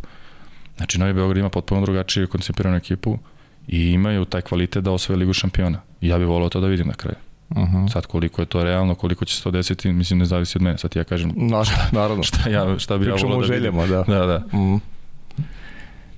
Ivane, ajmo da se, da se vratimo unazad. Uh, Ivan Basara i Vaterpolo, kako se rodila ta ljubav prema vodinom sportu ili, da, ili imao neki drugi sport ovaj, konkurenciju ili, ili je prosto vaterpolo bila tvoja sudbina? Ne, va, ne. znači vaterpolo je jedini sport koji sam ikada ovaj, trenirao. Nije bilo ono, znaš, kad klinci krenu pa kao dva, tri sporta pa nešto, ne. Da. Znači vaterpolo je jedino što sam ikada trenirao, nijedan drugi sport nisam bio upisan na njega. Aha. Znači, nijedan. I to je počelo tako što sam ja, ja sam išao u osnovnu školu u Drinku Pavlović. Aha, u Drinku. Uh mhm. -huh. I ovaj, u to vreme na, sa, na Tašmajdanu je radio Vlada Korenić. Uh mhm. -huh. I oni su napravili, uh, znači to ja sam bio prvi raz osnovne škole. Oni su napravili neke plakate tamo po, de, uh, po školi, ovaj, zalepili da upisuju u Vatrpolo klub Beograd nove članove, znači malce, ovi, uh mhm. -huh. naj, najmlađi, mislim, uh -huh. i, praktično i ne plivače, ali ja sam znao da plivam i jedan dan, sećam se tačno gde sam, gde sam, i, gde sam i bio, znači hodao sam sa, sa Ćaletom, sam hodao i on me samo pitao da li bi ja volao da treniram ovaj, vaterpolo. Ja sam mu rekao iz prve, da. Pritom vaterpolo za mene tad voda. Znači, to je to, nemam da, pojma, da. znaš, ništa o vaterpolo, uh mhm. -huh. klinac, ono, sedam godina sam imao šta. Tako da, ovaj, da, imali smo sa, sa školom, smo išli inače na, na to je Drinka organizovala, Na plivanje? Da, da, na plivanje, ono, pošto je preko parka samo uh -huh. i mhm. na, na taš. Tako da ovaj, već sam tamo, poznat mi je bazen bio i sve. I tu sam, tu me on upisao, Ćale me upisao u Vaterpolo klubu Beograd kod, kod eh, Vlade Korenića, uh mhm. -huh. koji je kasnije to praktično našu generaciju predao svom, svom sinu Kristijanu Kizi Koreniću, koji je nama mhm. dugo bio trener u Beogradu uh -huh. i cela ta, ovaj, cela ta ekipa tu roditelja i ovaj ljudi koji ili nebitno nas klinaca koji smo koji smo tu počeli u to neko vreme u tih godinu dana recimo dosta nas i dan danas smo ovaj, se, se družimo. Znači, eto, od, od, da kažem, od sedme godine smo zajedno. Znači, bukvalno, tako smo se spojili tu, neki, neki su, znači, uopšte apsolutno nisu tu iz kraja. Znači, to uh mhm. -huh. sad je, pošto je taš tu ovaj, u centru, znači, neki su Novi Beograd, ne znam, ovaj je Mate, recimo, Lončarić, on je sa Bežanije, njega otac dovozio svaki dan sa Bežanije na, to su kad smo bili klinici na, mhm. na, ovaj, na, na taš. taš. Uh mhm. -huh. Tako da ovaj svi su ovaj da ovaj Plašić iz Borče recimo. Znači to stoje, znači oni oni to pričam sada znači u to vreme pre koliko uh -huh. je to mhm. godina sad već mnogo. Uh -huh. Koliko su roditelji želeli za svoju decu i sad. Pričam ti sve ovo zato što kasnije ti, ti isti roditelji su se trudili da mi svi imamo neki put koji možda ne bi ni imali da se oni nisu toliko aktivirali u klubu samo. Aha. obezbeđivanje, znači resursi za, put, za takmičenja, putovanja. za putovanja, za pripreme, gde su i oni naravno u svemu tome uživali, kao i svaki roditelji naravno, Aha. zajedno išli sa nama ponekad, ali to je recimo potpuno drugačiji neki koncept kluba nego što je bio partizan u to vreme koji je imao sistem gde si imao milion dece i tu to ti je, znači dođeš tamo ako se nametneš to je to. Ako ne ideš u student tada svojevremeno i ono, to ti je to. Da. Znači milion dece, samo selekcija, svaki dan se tu prati, a ovamo su nas gajili. Bukvalno. Aha. Nas su I gajili. vi ste se lepo družili. I mi smo se družili iz toga, iz, iz te generacije moje, to je 88. generacija. Uh -huh. Ovaj, kažem ti, nima tu sad, sad smo se, posle smo se mi spojili tu, ne znam, dosta se tu u nekom momentu posle juniorske kad smo ušli u prvi tim, ovaj, tu su prošli neki treneri, recimo Bratuša je bio jedno vreme trener u mlađim kategorijama nama, došao, on je bio Partizanu dugo, pa je, ne znam, oni su napravili neku saradnju s njim, bio je tu možda godinu, dve dana sa nama, pa ne znam ko je sad, Maka nas je uzeo na kraju kao, kao ono, za, za prvi tim, ovaj, tu su napravili neku, neku ekipu gde, gde je opet bio fokus na nama. U to vreme recimo Ubović i Rašović i su bili još, još mali. Mali, Znači, da. mali u smislu, oni su par godina mlađi od mene, ali to je Da, ogromna tad su mali jeste u tom Tako, periodu. tako da oni nisu tada u tom momentu ušli u prvi tim sa nama.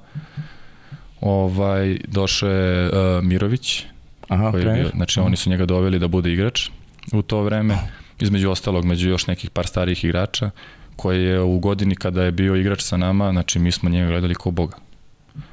Posle toga, znači posle, ja mislim, čini, čini mi se godinu dana je on preuzeo prvi tim, ali generalno Maka je stvarno imao na sve nas, ovaj, sad neko s njim ima ovakav neko onakav odnos, ali ja, ja stojim pri tome da je on dosta ovaj, uticao na to da, da se par nas red sigurno održi dan danas u sportu. Mm -hmm.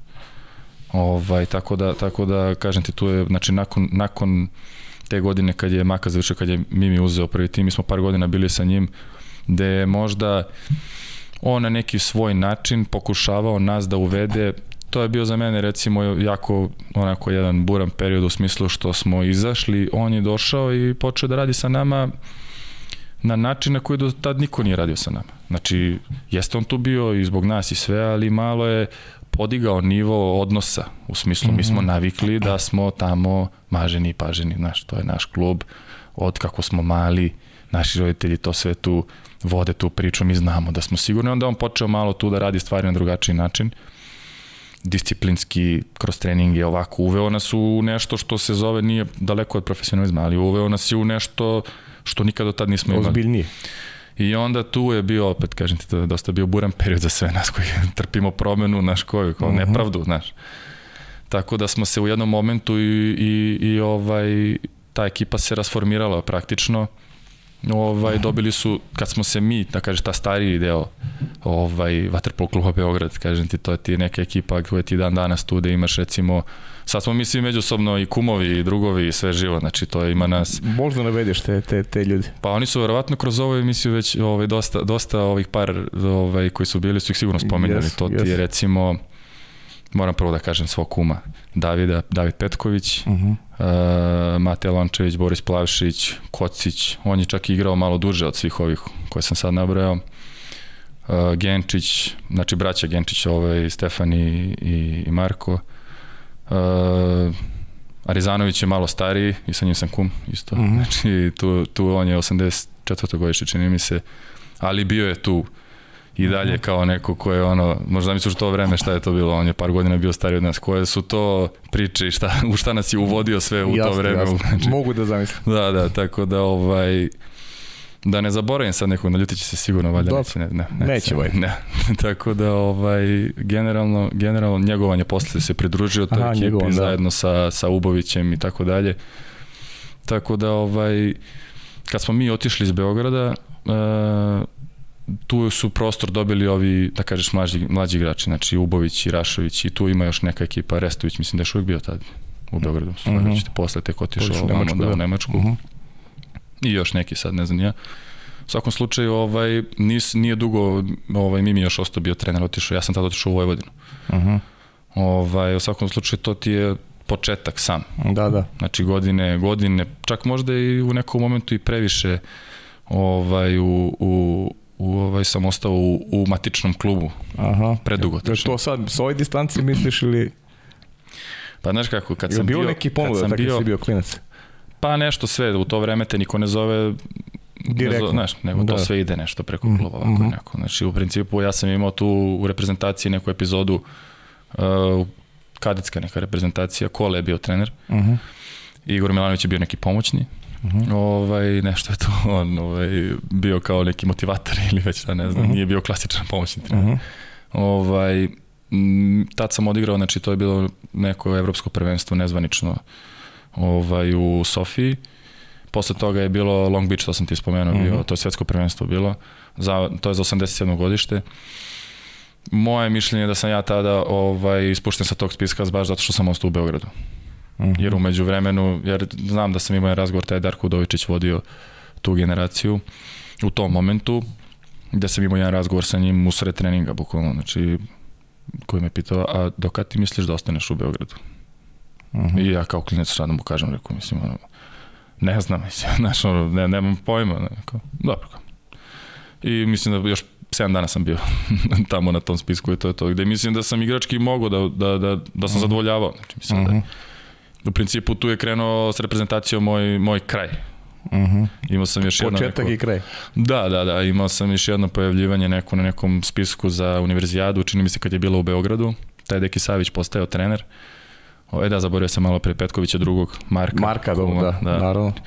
Ovaj, tad je recimo, tad je recimo Deki, to ja bar mislim Stanojević je bio ovaj, uh, trener te reprezentacije, onda je Deki završio karijeru i počeo da radi kao trener tada sa, sa, sa, Deki, sa, sa Stanojem, sa, Mhm. sa drugim Dekijem Mhm.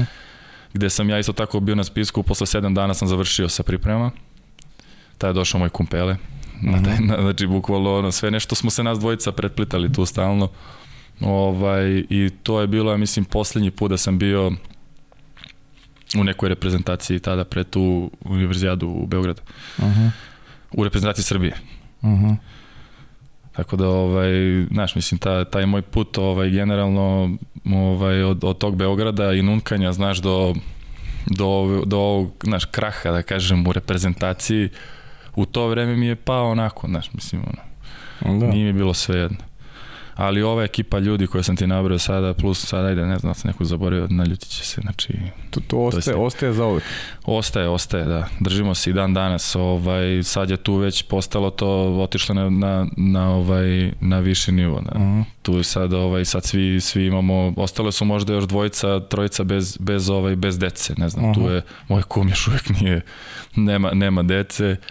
Uh, Du, Duca Janać, on je bio golman, koji je došao bio, čini mi se, iz Zvezde u to vreme. On je, da kažem, još uvijek, znači svi ovo što sam ti nabrao sada još plus, ne znam koliko nas ima desetak, svi smo sada ono, Porodični. porodični ljudi. ljudi. Da, da. Tako da ovaj u principu čeka se još da par njih ovaj dobije decu pa da, za, da, da zatvorimo i tu priču da idemo I da, dalje. I da zaokružite ta kumstva i eto kako Pa- sport, kako sport spaja ljude, u stvari to su neka, neka najlepše prijateljstva, bukvalno datiraju iz tih, iz tih najranijih perioda i kroz Da, sport. izvini, zaboravio sam Jogija u celoj priči. Jogi, Znači, dobro, dobro, Jogi nije zaborio tebe, da znaš. Ma ne, mislim, da, za- zaboravio sam njega zašto ga viđam svaki dan. Pa, razumeš, to ti koncentrišem kažem, da. se na ove na koje, koje sada u posljednje vreme zbog svih silnih obaveza realno ne stižem da vidim uopšte toliko često. Znači to što je, mislim, za nas koji smo navikli da se družimo u ranim nekim ovim godinama pre ovoliko obaveza, znači mi smo se viđali non stop, to je bilo Mhm. non stop nešto se dešavalo. Ne, iz drugih razloga ste rekao da Jogi nije zaborio tebe. A, a ajde da zaokružimo taj Beograd priču, pa ćemo da pređemo na prvo video pitanje. Pričao si mi o tome, Beograd je izlazio i na međunarodnu scenu, igrali ste i i, i evropske, evropske Da, utakmice. Ne znam, ne znam sad kako smo mi dospeli uopšte u taj len, ovaj, prošli smo bili, to je bio najveći uspeh, prošli smo tu grupu bili koja je bila organizovana na Tašu, Uh -huh. gde u to vreme, čini mi se, bila neka Savona najjača, tad je Peroni igrao bio tamo, znači napravio nam je, dao mislim, na 8 gola na utakmici. Uh -huh. Mladi Perone, sad je Mladi, već mata. mladi, da. Mladi. Ovaj, tako, da, tako da tad smo prošli tu grupu, igrali smo, čini mi se, sa Sintezom, da, da Sintez je bio neka osmina finala, tu smo stali naravno, Uh -huh. tad je u Sintezu igrao Deki Savić naravno, i pričao sam ti situaciju gde mi nešto igramo sa njima, mislimo da smo egali, onda dođe Deki i namesti ono da tri, namesti dva, tri, ode utakmica na šest razlike i kao to je to, kao, znaš, mi smo se igrali sa njima, ali znaš ono, u to vreme Da. nama je to bilo ludilo. Da. Tako da za Beograd je to bio možda u, na evropskoj sceni možda i najveći uspeh u tom, ovaj, do tada, možda i posle toga, ne znam. da, da, jeste, sigurno.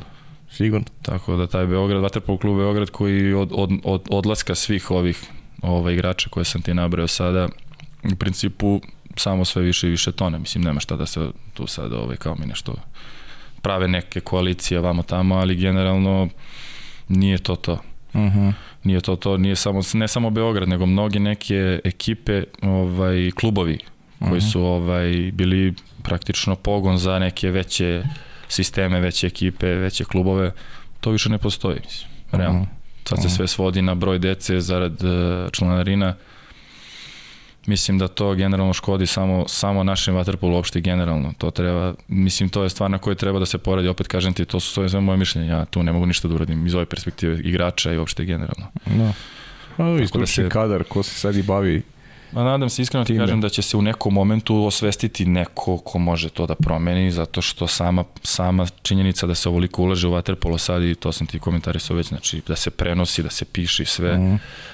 Voleo bi da se iskoristi na pravi način. Tako je, slažem se. Pa mislim, evo i ova emisija tome služi u krajem slučaju. Tako je. Ja se nadam da će, da će poslužiti svrsi i da će pre svega imati interes deca koje se baje vaterpolo, vi koji ste, koji ste unutar sporta, ja bih to najviše na svetu voleo i rekao sam ja kontakte s vaterpolom nikad nisam imao osim sa ljudima onako, zavoleo sam vas, stvarno mislim da ste ovako pravi momci, pravi sportisti najbolji prezenteri ove zemlje, što je, što je onako na, samo po sebi jako važno. Hvala, šta ti kažem. mislim. Hvala tebi. U ime svih nas, Da. da. vaterpolista. Da. E, Vanja, ajde da, da prekinemo priču ovaj, sa jednim video pitanjem. Pozdrav za sve gledalce podcasta pod kapicom. Pozdrav za tebe Pavle, za Saru. Pozdrav za Bakicu. I postavio bih vam par pitanja. Da li se još uvijek seća himne Beograda Ajkula Sataši, ako bi mogo da izrecituje za nas? Drugo pitanje mi bilo šta nikada ne treba nositi na pripreme u Banju Vrujci? Treće pitanje zašto više ne nosi broj 11? I četvrto pitanje, ako bi mogo da ispriča kako je mu je bilo sa mnom na pecanju prvi i poslednji put. Ćao. Pozdrav za Jogija. O, znači... Sjajna pitanja. I to če, četiri. Da, da, četiri Ima i on pitanja. još, sigurno. Sigurno.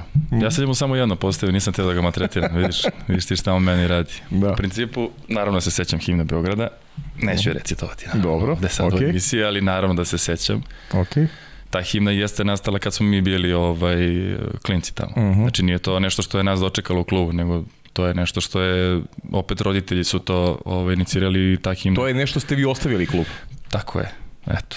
To smo ostavili klubu, ne znam da li koristi i dalje, u svakom slučaju ovaj, Ajkule Sataša su nastali kad smo, kad smo mi bili Uh -huh. taj slogan i sve to, znači su nastali kad smo mi bili tamo, ne znam, ne znam ni koliko smo godina imali tada, ali tad je to nastalo. Uh -huh. E, podsjeti me, molim. Banja Vrujci. Banja Vrujci, ne znam šta je, ne znam šta je, ovaj, na šta je aludirao, znam samo da na tim pripremama je Kiza bio nama trener, ovaj Korenić, Uh -huh. i Banja Vrujci su bile pripreme, ne znam koje su to bile pripreme po redu sa njima, ali u svakom slučaju podigao je tad to na viši nivo tako što u to vreme su bili popularni ovaj, pištolji na metkići. Uh -huh. I kazne su bile ono, znači, mislim sad iz, ovo, iz ove perspektive da roditeljima tako nešto kažeš, to bi bilo, to bi bio skandal, znaš. Ali naši roditelji su bili tad tu. ovaj, I mi smo te pripreme odradili možda čak i najbolje najbolje od svih priprema, jer smo nakon toga imali takmičenje u Nišu, sećam se neko prvenstvo Srbije otvoreno gde smo, mislim da smo dobili sve sa neku go razliku smo imali nenormalno. Uh -huh. Ali je suština, barem ne znam da li je na to aludirao, ali suština je, ovaj, ako ja ono, mogu, mogu da se sad ovaj, osvrnem unazad na, na to, za mene je ostao ovaj, upečatljiv pištolj na metkiće. Uh -huh. Jer to je bilo, znači ono tipa spavanje, ne smiješ da budeš na hodniku, on te na, na, zateknete na hodniku, znači to je mladi pištolj, roka tipa ti sad beži, snalazi se, razume, u bazenu, znaš, ono nešto, ne, plivanje, nebitno, nešto radiš, nije dobro, vadi pištolj, roka. znači, tako, znaš, mislim, imali smo sa njim odnos, nismo stvarno, to sam ti rekao, dugo smo bili s njim i njega, njega bukvalno, znači, dan danas, evo, znači, ja kad ga vidim, sad živimo jako blizu, kad ga vidim, znači, kao da, znaš, kao da vidim nekog, ono, ovaj, iz familije, Da, bukvalno. da. Tako da, mislim da je na to aludirano, nisam siguran. Pitaćemo. Jedanestica? da, 11 da, 11 sam nosio do radničkog. I čak ovaj, uh, u, u Beogradu sam je znači, nosio celu svoju karijeru, pa sam u, ovaj, u Vojvodini nosio 11 i kad sam otišao u Partizan, Vlada je završio karijeru, ja sam uzeo 11 tad bio, međutim kad sam došao u Radnički, Vanja je završio karijeru, koji je nosio 11, završio karijeru, mislim, uh Mhm. -huh. počeo je novu tada. Da. Ne, ne, ne mogu kažem završio, ne, počeo je novu Počeo je novu, da. Da, i ovaj, ostala je 11 upražnjena. Međutim, pošto sam ja tek došao, igrači koji su već bili tu su imali prednost i znači Dušan Marković sa kojim igram već ne znam koju sezonu zajedno i cimeri smo i sve, znači tada koji nije nosio 11 nikad, ovaj, je insistirao da uzme 11-icu. Zašto mislim da je namerno? Praktično, pa ne, nego zato što on Vanju generalno ceni jako Aha, aha, aha. i kao igrača i ovako. I onda ovaj, u principu u tom momentu za njega je bilo nezamislivo da on ne uzme njegov broj. Sećam se tačno i te godine ovaj, dok su igrali zajedno, Uh -huh. znam da je jako dobar odnos imao sa Vanjom. Uh -huh. I ovaj, mislim da je on to hteo zato što generalno je Vanja nosio da on to nasledi. Uh -huh. I ja sam te godine praktično promenio broj prvi put od kako sam u prvom timu, uzao sam osmicu. I sećam se Slavko Gak mi je tad rekao, znači ja sam tad bio besan, to nije bilo normalno. Uh -huh. Zato što, mislim, nisam ja sad uletom se tu sad raspravljao, ali bio sam u fazonu, čekaj bre, znači ne nosiš 11 bre, pusti me da uzem 11, ja cijel život. Ne, ne, ko, ja mogu da biram, to je sad, mislim, ja sam ovde već. Naravno, Filip je to sve orkestrirao kao, kao kapiten u smislu ovi što su ostali biraju, pa tek ovi što su došli uzimaju ostatak. I osmica je bila, i ne znam šta prazna, ja sam uzeo osam i Slavko mi je rekao, veruj mi, osmica je broj vrhunski, ne znam, vamo tamo i uzeo sam osam i evo, nisam ga promenio, eto, opet igrao slučaj svaka ekipa u kojoj sam bio osmica bila Bilo, prazna. bilo pravno, da. Tako da sam tad promenio, Aha. tad sam promenio broj. I Znači mogu ti da- reći, možda i nije loše. Nisam se nešto sad ovaj, tu nakupio titula sa osmicom, ali evo igram i dalje. Znači, eto, možda s 11 više ne bi igrao. da, da, ko zna. Ne znam. A, a pecanje? Pecanje, da. Pa ja nisam neki ovaj, pecaraš, da ne kažem uopšte. Ali recimo, svi ljudi tu, pogotovo eto Pele, Uh on je strastven pecaraš. Jogi voli da peca, isto nije neki profesionalac, ovaj, ali, ali obožava da, da peca, tako da kad smo bili klinci još u srednjoj školi, pošto smo nas dvojice išli u razred, naravno, sedili smo i u klupi, ovaj, on je, ne znam, volao da povremeno ode na, na neki izlet tako da peca i jedno smo izmislili i tu su nam roditelji dozvolili, mislim, to je stvarno, znaš, ozbiljan uspeh. Nismo išli u školu uopšte, znači taj dan ide Jogi na pecanje, idem ja s njim. Ajde, i ne odemo u školu uopšte, kao da odmorimo. Uh -huh. Mislim, pa ti, šta je to bilo u to vreme, mislim, u sportsku gimnaziju. Mislim. Gde smo trenirali stvarno generalno mnogo, znači nije uopšte to sad bilo, mi smo imali nekad po tri treninga dnevno, kad sam bio u Beogradu, imali smo s prvim timom dva treninga, onda se dešavalo da sa našom generacijom ostanemo nakon večernjeg treninga, znači tri treninga dnevno. Ali taj dan smo mi odlučili da ima pecanje. I ovaj, otišli smo negde tamo negde u Borču, ne znam, na neki kanal. Jogica se spremio, ja sam pošao s njime, nemam pojma. Učili su me da zabacujem, nemam pojma. Znači, mislim, ono, bukvalno, dobro mi je da sedim tu da se zezam, eto, to, za to mi je pecanje vrhunsko. Šta će upeca, da li šta tamo radi, nemam pojma, ne, ne znam, ni dan danas. I onda na kraju, kad smo već trebali da krenemo kući, ovaj, neki mamci su mu ostali u kofi i ovaj, ništa, ono, pobacao ih i u vodu, ja sam uzeo i hteo sam da, da, da deganžiram ovaj, uh -huh, uh, jedan mamac onako, znaš, da kao to bude i nogom sam šutno mamac i patika mi odletela u kanal. I oto sam bos. I sad ovaj, to je bila drama od 5 minuta, znači on sad sve spakovao pravi sad, ne znamo šta je radio, ne znam, znači upacao mi je na kraju patiku, eto, za ceo dan. To je point. Znači, zvuk, uspio da izvuče moju patiku, jer da sam se vratio bez patike kući, ne znam da li bi bio uopšte, znači, sposoban da odem u školu. Posle toga, kad bi me Ćale vidio da sam se vratio sa, sa pecanja, gde ne pecam bez patike, znači. Znači, tako je za, završila tvoja karijera pecaroša. Da, da, s tim što kažem ti, posle toga je bilo ovaj, nekih ovaj, druženja, ali nisam, uh -huh. nisam se upuštao ni u kakve varijante hvatanja štape ili bilo čega. Znači, jednostavno, Jogi je taj dan imao možda najbolji ulov, znači upecao je moju patiku, vratio me, vratio me kući celog. Znači, eto, to je to. Ivane, posle Beograda a, seliš se u Vojvodinu. Je li bila mogućnost nekog drugog izbora ili prosto Vojvodina bila najkonkretnija i seliš se za, za Novi Sad? Ne, tad je, tad je Novi Sad bio realno jedina opcija za mene -huh. ovaj, u tom momentu, jer je Dejan Stanović ovaj, tad insistirao da, mislim insistirao, želeo me u toj ekipi. Uh -huh. I ovaj, u principu kad sam došao tamo, nisam se ja odmah tu ovaj, afirmisao da je trebalo mi, ali on je jednostavno takav, mislim, on je video verovatno neki potencijal i stvarno mislim, kada ga gledaš na utakmicama vidiš koliko on pokušava da izvuče, koliko je energičan, da, da, koliko da, da. energije u onoj, a takav je na treningu, mislim, u principu njega, mm -hmm. mislim, to može da samo njega da čuješ, ono na mhm. treningu, koliko pokušava da, da nekoga ono motiviše, izvuče iz njega, šta god nebitno. Tako da ovaj saradnja sa njim uopšte nije bila nije bila ovaj greška s obzirom da je on u to vreme bio pomoćni trener Udovičić u reprezentaciji uh -huh. i generalno koncept treninga je bio odličan. Stvarno, znači radili smo neke stvari po programima koje je Dejan pravio za, za reprezentaciju u to vreme i generalno mislim da je Dejan jako veliki stručnjak između ostalog, znači nije to bilo nije to bilo loše za mene ne sad da bi ja sad ušao u reprezentaciju nego mhm. jednostavno mm -hmm. zato što sam rad je bitan mislim u tim godinama šta šta radiš koliko i tako dalje a to je bilo u tim godinama ogroman broj treninga i, i, i sati i svega ovaj, i pritom te godine smo ušli prvi put u istoriji kluba u Ligu šampiona i to kroz kvalifikacije. Mm -hmm. Tako da je uspet bio već postignut tu. Dače je tada svoje vremena bio sportski direktor čini da. kluba, da. Mm -hmm. Tako da ovaj ono mislim čim sam došao u Vojvodinu neki uspeh se tu postigao, napravio. I čini mi se da smo te godine igrali te godine tu neku interligu sa Mađarima. Just. Mislim da smo imali 70 utakmica. Ali sad kad pomislim ovu godinu i ovih 70 utakmica i onih nije mi isto. Znači, onda mi je to bilo... Pa nisi imao, nisto, nisi imao nisto godine. Pa zato i kažem, mislim, ovo, malo mi teže palo ove godine. Ovaj, ali, ali to je stalno su bila putovanja, utakmice, sve živo, tako da ovaj, Vojvodina nije bila, ja sam ostao tri godine tamo, imao sam taj mhm. neki ugovor kao 2 plus 1. Sećam se jednog momenta, nakon druge godine, Viktor Jelenić, tad su oni ovo, ovo, u tom nekom periodu su oni oformili ovu zvezdu koja uh -huh, sad uh -huh. ovaj, funkcioniše da me Viktor Jelenić zvao i da me pitao za neku Italiju, neki sport management, čini mi se, ja sa Viktorom koji nisam imao, nikad nisam kontakt imao s njim. Uh mhm. -huh.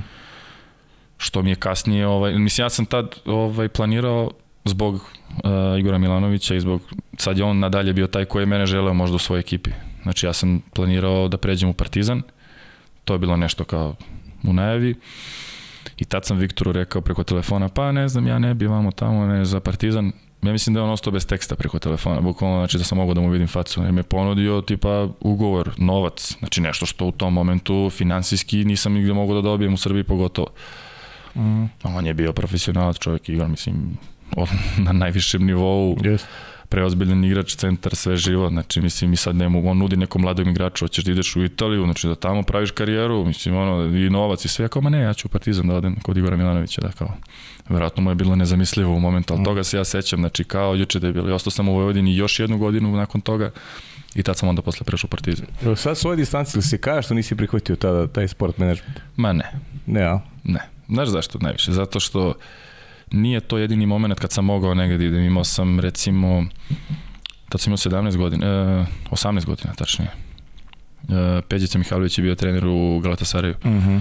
I mi smo stalno sa njima, išli smo tamo, čak su oni dolazili, jer je Maka sa njim pravio, ima dobar, sad ne znam, imali su, ne da li imaju, ne znam, uh mhm. -huh. ne znam, nisam, da, da ne bude sada da, da, da nešto okay, okay, naravno. pričam.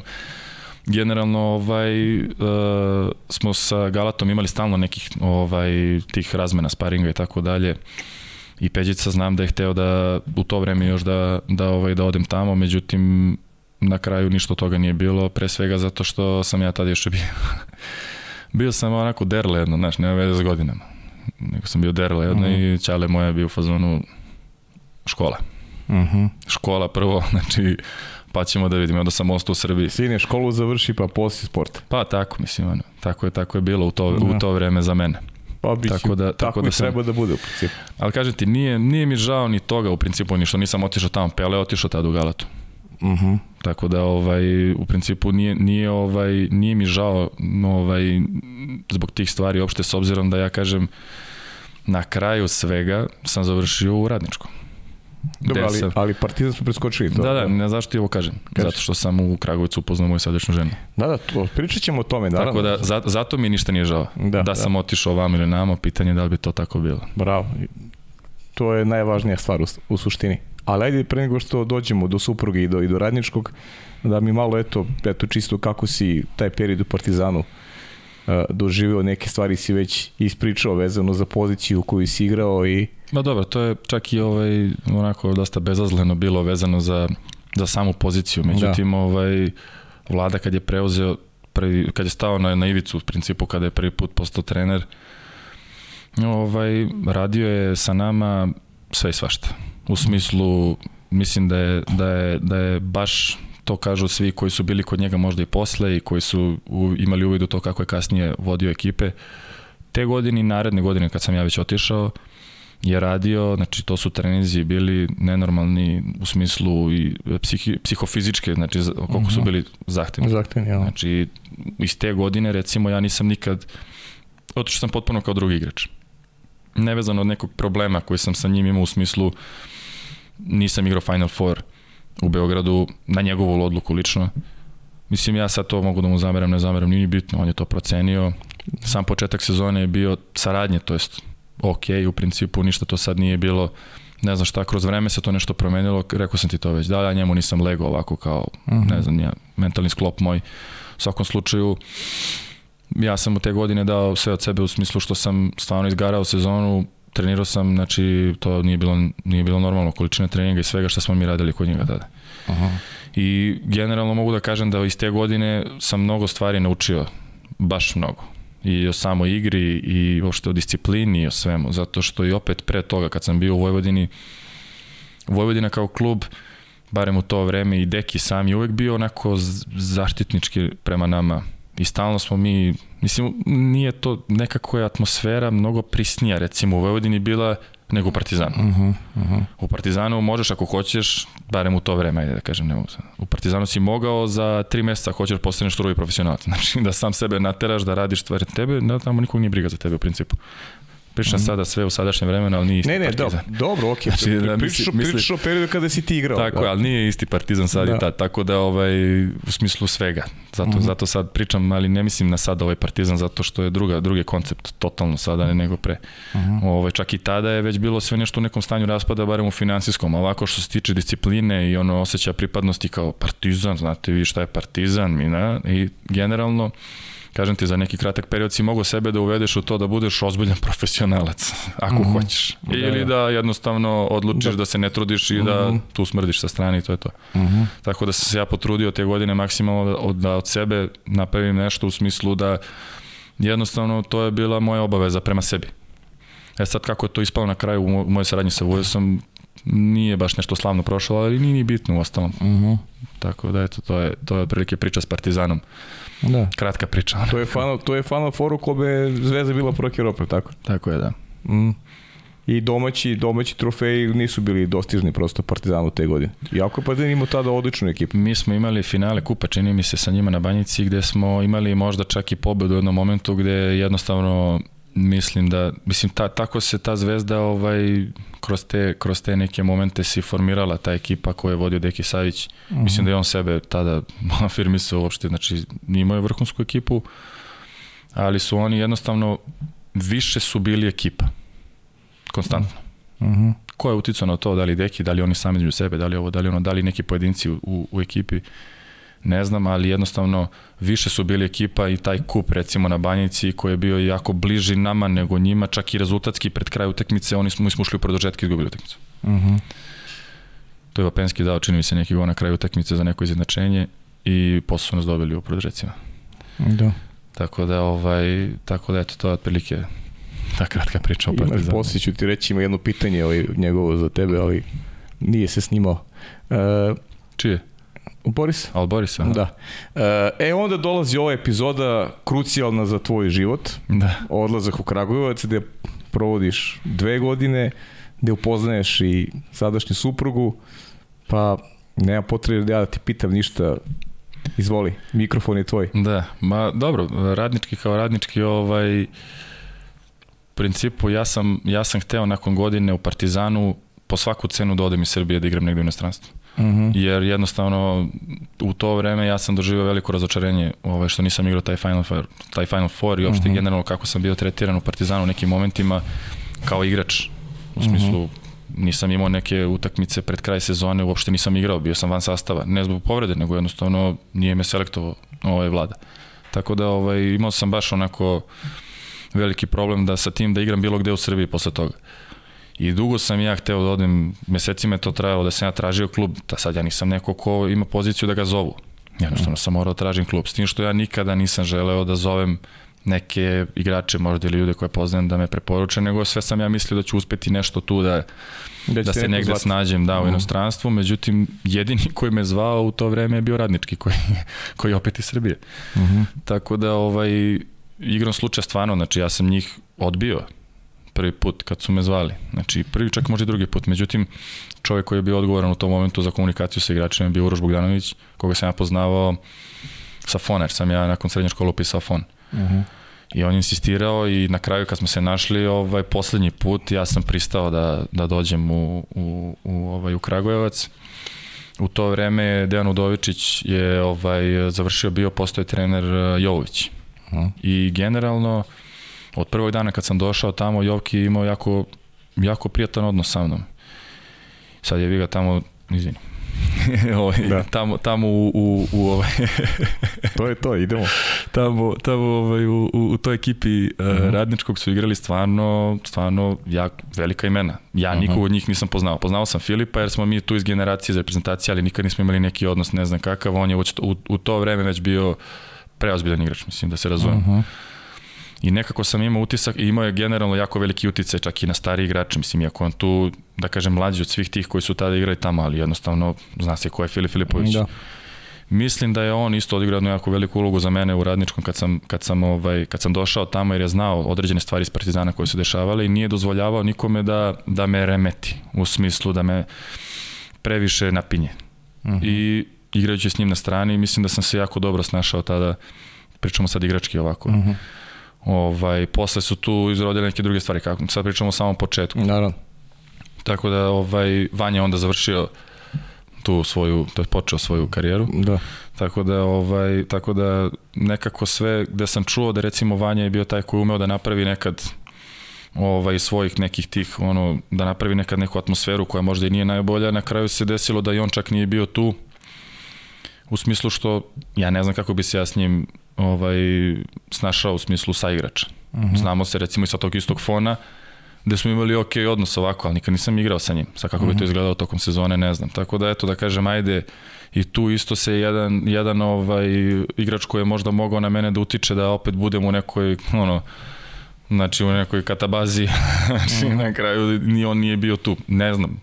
Ostao je samo taj Filip koji mene, čini mi se da me tu na neki način štitio za početak i Jovović koji od početka imao sa mnom jako dobar odnos, tako da sam se u Radničkom jako brzo, nakon sezone u Partizanu gde uopšte nisam igrao pred kraj, jako brzo sam se afirmisao u smislu toga da sam postao igrač koji je ulazio u grupu igrača, pošto ono ima stari i mlađi uvek. Uh -huh.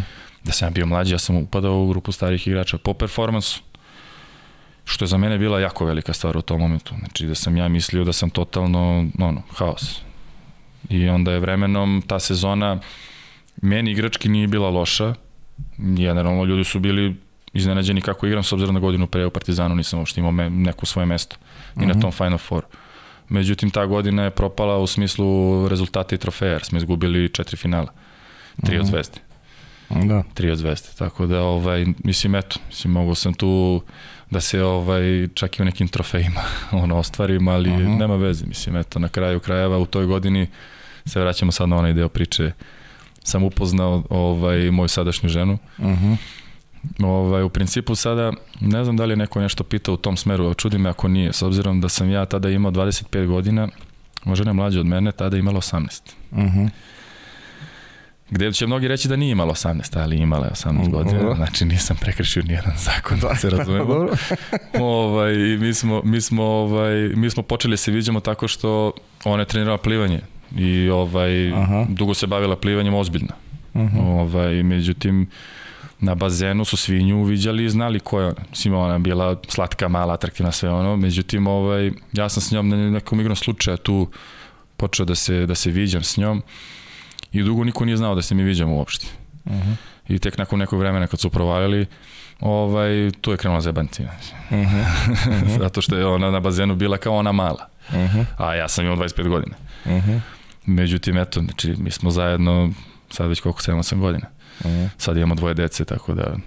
Super, lepo, lepo Povukao priča. sam mnogo, znaš, prvi sam koji u principu iz, iz, iz Kragujevca ovaj, ovaj, poveo ili se oženi u Kragovac. Da, a Jer tu je sad i Marković i Ima Boris ih. Popović i ne znam, sad ima tu igrača koji ovaj, su našli dole svoje devojke ili buduće da. ili buduće žene, Fića Janković isto sada ima devojku koja je iz Kragujevca isto plivačicu, tako da vidjet ćemo.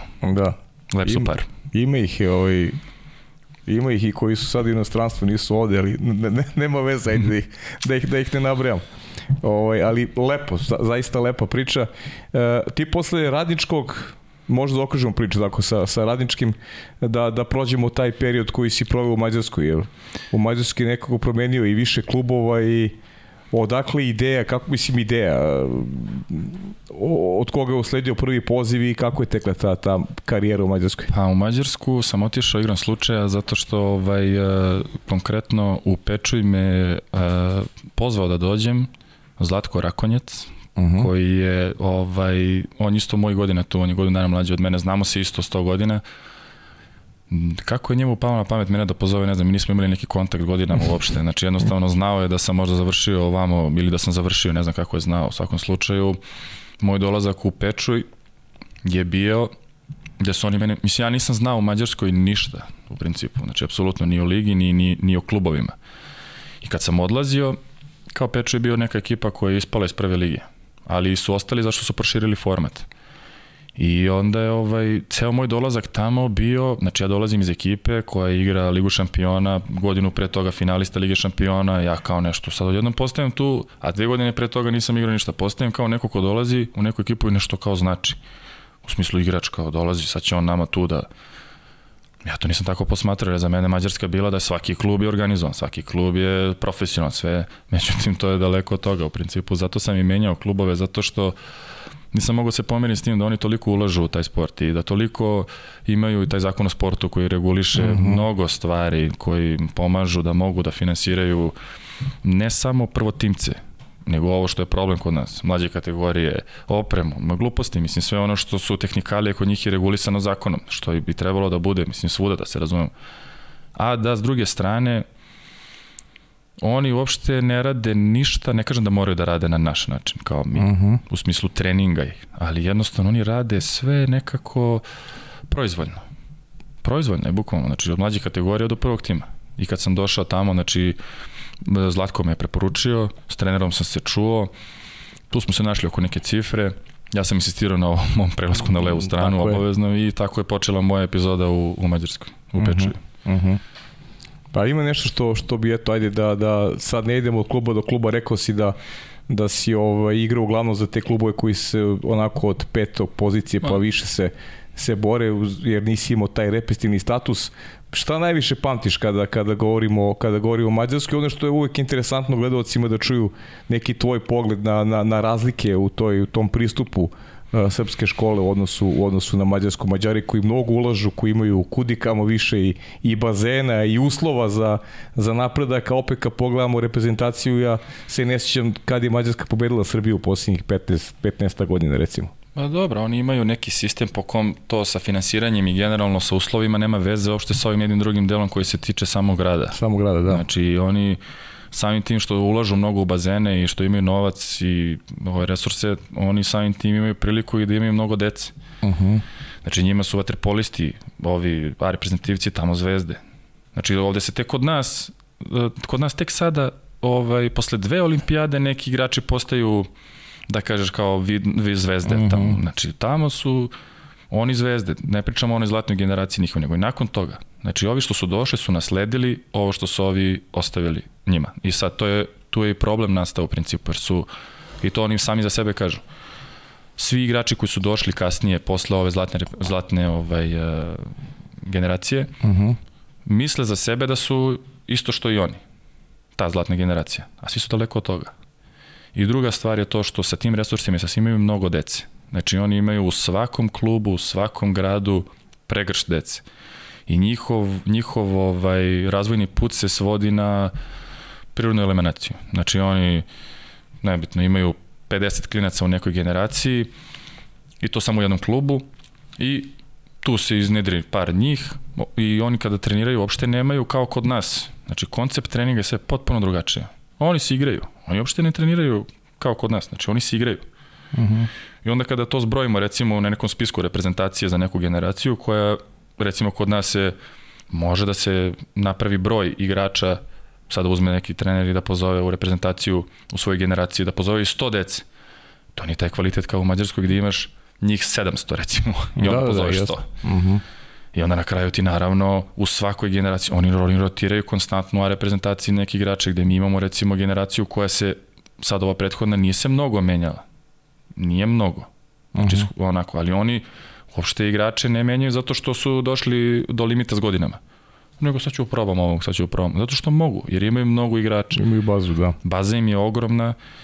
Znam samo, znači oni imaju čak i sajt koji prati tamo registrovane igrače u smislu od prvog tima do ovih što su petlići, ne znam nije. Znači to je neka, to je u hiljadama. Znači to na sajtu njihovom može da se vidi. Znači uh mhm. -huh. svako može, svaki igrač registrovan tamo u Mađarskoj može sebe da nađe tamo.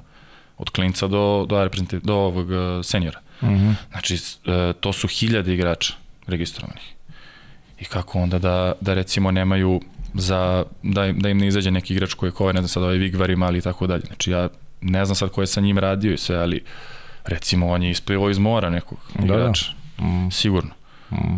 Mislim, ima tu, ja kad sam bio tamo, bio, imao sam uvid u te neke stvari vezano za njihove te mlađe igrače, zato što kad igraš sa tim ekipama, evo recimo mi gledamo snimak, sad ja ne vidim tu ništa posebno recimo u tom, u tom klincu, ali ovaj ga non stop spominje. Ni sad to se pravi, to oni rade. Oni prave mit odma mm -hmm. u mhm. nekom igraču čak i dok je klinac.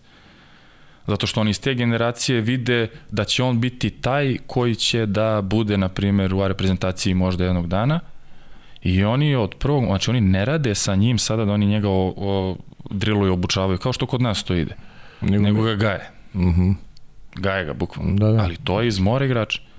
Mm -hmm. Do tog momenta nikoga nije pravio nego se on pojavio. Uh mhm. -huh. I tako to kod njih funkcioniše. Potpuno, potpuno drugačije, potpuno drugačije nego kod nas. Da. A život kako ti je ovaj... Pa...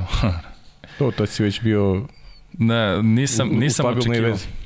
To da, mislim sad pričamo sad ovako, mm. život kao život, ne mislim na ne, nego da, jednostavno... Da, pa ne, ok, nego... Ne, za mene je bilo veliko iznenađenje, to je još jedna stvar o kojoj nisam znao ništa kada sam otišao u Mađarsku, ovaj, da oni žive nekim životom gde recimo apsolutno ne mogu da zamislim da u 9 uveče, mislim ja sam iz Beograda, mm. da u 9 uveče više nema kjera na ulici, razumeš? Mm. U gradu koji recimo ima 200.000 stanovnika, na primjer, taj pečer, ne znam koliko ima tako otprilike. Meni to bilo nezamislivo. Ali okej, okay. ok, mislim, jednostavno svaki, svaki grad skoro u Mađarskoj je takav. Kad to prihvatiš, onda jednostavno možeš damo i da živiš. Navikneš S tim što sam ja to prihvatio delimično. Uh mhm. -huh. Zato sam da. se i vratio. da, da, da, jasno. Vanja, ćemo drugo pitanje, ja? Pozdrav za Paju i za Bakija, kao i za celu ekipu podcasta. Pitanje samo kuma. Znamo svi da si proveo par prelepih godina u Mađarskoj, ali ono što ljudi ne znaju je da odlično pričaš mađarski, tako da kako bi mogao sada ovaj, u emisiji da nam kažeš par omiljenih mađarskih reči. I drugo pitanje, za, zašto si u nekom najvežem krugu prijatelja poznati kao DJ Baki? Još jednom veliki pozdrav. Dobro, malo me prošaro sa pitanjem. Hvala Marku Petkoviću, čekamo ga u studiju za nekih mesec, mesec i po, tako nešto, otprilike. Prošaro je malo, da. Da, da, ovo, ovaj, na prvo pitanje odgovor je, znači ne da ne pričam mađarski, ovaj, nego ovaj, generalno, generalno nisam, nisam, čak od početka sam imao kao neku želju, s tim što nisam imao nikakvu bazu, znači nisam znao ništa. Apsolutno, jednu reč nisam znao na mađarskoj kad uh -huh. mhm. otišao. Tako da ovaj na kraju kad sam odlazio nešto što je ostalo ovaj kod mene a to je da sam mogao na utakmici da komuniciram na mađarskom kompletno i da razumem trenera sve, znači u smislu da sve što se tiče igre, svaki sastanak, svaku ono time out nebitno, znači da je sve bilo na mađarskom. Uh -huh. Sve van toga je bio engleski. Uh -huh. Tako da ovaj da li je to prokletstvo što što engleski znam, sad ne znam, ne znam kako, ali znam ga dobro i onda ovaj tu su i neki časovi bili umeđu vremena, ali ništa ništa ovaj to nije bilo značajno toliko da ja da ja ovaj na kraju ipak propričam ono mhm. -huh. Nikad mi nije bilo jasno ovaj, kako recimo, slušao sam Mitra kako priča, na primjer, me, mislim, on priča, priča jednostavno. Meni recimo, dobro, on je drugačiji od mene, mislim, znači to, to apsolutno ne bi mogao da, da postignem sam sa sobom. da lupetam toliko, na primjer, na početku. Jednostavno i to mi je bila klasika, mislim. To, da, da. to mi je bila barijera. Ovaj, tako da je na kraju to i ostalo tako. Uh mhm. -huh. Ali dobro, mislim, šta, šta je tu je sad? Ne verujem iskreno da ću se vraćati u Mađarsku. Tako. da, da. A ovo drugo, šta beš? Drugo je pitanje za DJ-a, da, zato što generalno volim muziku sve žanrove razne. Aha. I onda ovaj, kad god smo na nekom druženju, ovaj, ja sam taj koji, koji pravi playliste, pušta muziku i tako dalje. Bavim se time, znaš. Kada, Aha. inače, kod njega idemo na vikendicu stalno on ima u Krčedinu kuću, ovaj, vikendicu i mi tamo, rekao sam ti, već idemo tradicionalno, već cela ova ekipa koju sam spomenuo malo pre idemo godinama, to je već sa godinama već prelazi, ulazi u 15. ja mislim, još uh mhm, -huh, malo godinu, uh mhm. -huh. koliko, koliko ovaj, mi tamo smo svako leto i to ono, ne ono jedno kupljenje, nego to se pravi i to su roštilji, ovaj neki gulaš openi što je novo Pele napravio. Uh mhm. -huh. Tako da ovaj ja sam taj uvek organizuje ozvučenje, muziku i tako dalje i tako Ima, da. Ima svoj zadatak. Pa da, nekako sam ja ovaj, se tu nametnuo s obzirom da me nervira kada neko pušta muziku koja apsolutno nije za tu ekipu ili za taj moment i onda Aha. sam ja uvek bio taj koji uzimao i tako sam ja ostao taj koji i dan danas pravi te playliste, pušta muziku i tako dalje. Imaš neko nešto omiljeno ili zavisi od momenta ili, ili ono prosto slušaš sve? Mm, zavisi, zavisi ovaj, od društva. Od društva, aha. Apsolutno sam fleksibilan, znači mogu da, da procenim u principu jer, sluš, jer mi prija svak, razna muzika mi prije i onda uh mhm. -huh. ovaj, generalno zavisi koje društvo i onda znam znam otprilike koja muzika prije kom društvo i tako i gađa. Uh mhm. -huh. Mislim da će da Rađen to može da potvrdi isto sada trenutno. Pitaću ga. Nisam ga, ovaj, nisam ga angažovao za ovu emisiju, dao sam mali predah. Pa neka. Pozdrav Nikoli. Malo i onda odmori. Neko odmori malo. Stalno je, stalno, kolega. stalno je, da. Stalno je Još malo ti kolega. kolega, stalno je u pa mediju. kolega, ja njega izovem kolega. ovaj, e, hoćemo malo, eto, taj povratak u zvezdu nekako ti si iz Mađarske otišao u onoj situaciji covid i cele priče koje baš onako nije bila za vas sport, rekao bih, pogotovo, pogotovo dobro, s obzirom da ovaj, lako mi zove futboleri, to oni mogu da se snađu mnogo lakše. Ma dobro, ne, mislim, ja sam se iz Mađarske vratio pre svega zbog porodice. Mislim. Uh mhm. -huh. Nisam se ja vratio zbog korone, zbog svega. Jednostavno, ovaj, meni žena ima posao radi u Beogradu uh mhm. -huh. i mi smo bili razdvojeni. Znači u tom momentu smo imali jedno dete samo i ona je bila, čerka je bila sa njom ovde naravno. I ja sam bio taj koji je non stop bio na putu. Principu i dolazio i tako dalje, tako dalje. I onda to je trajalo već neko vreme i samo je korona u principu pomogla da meni da, da pomogla mi da odlučim da da se vratim. Uh mhm. -huh.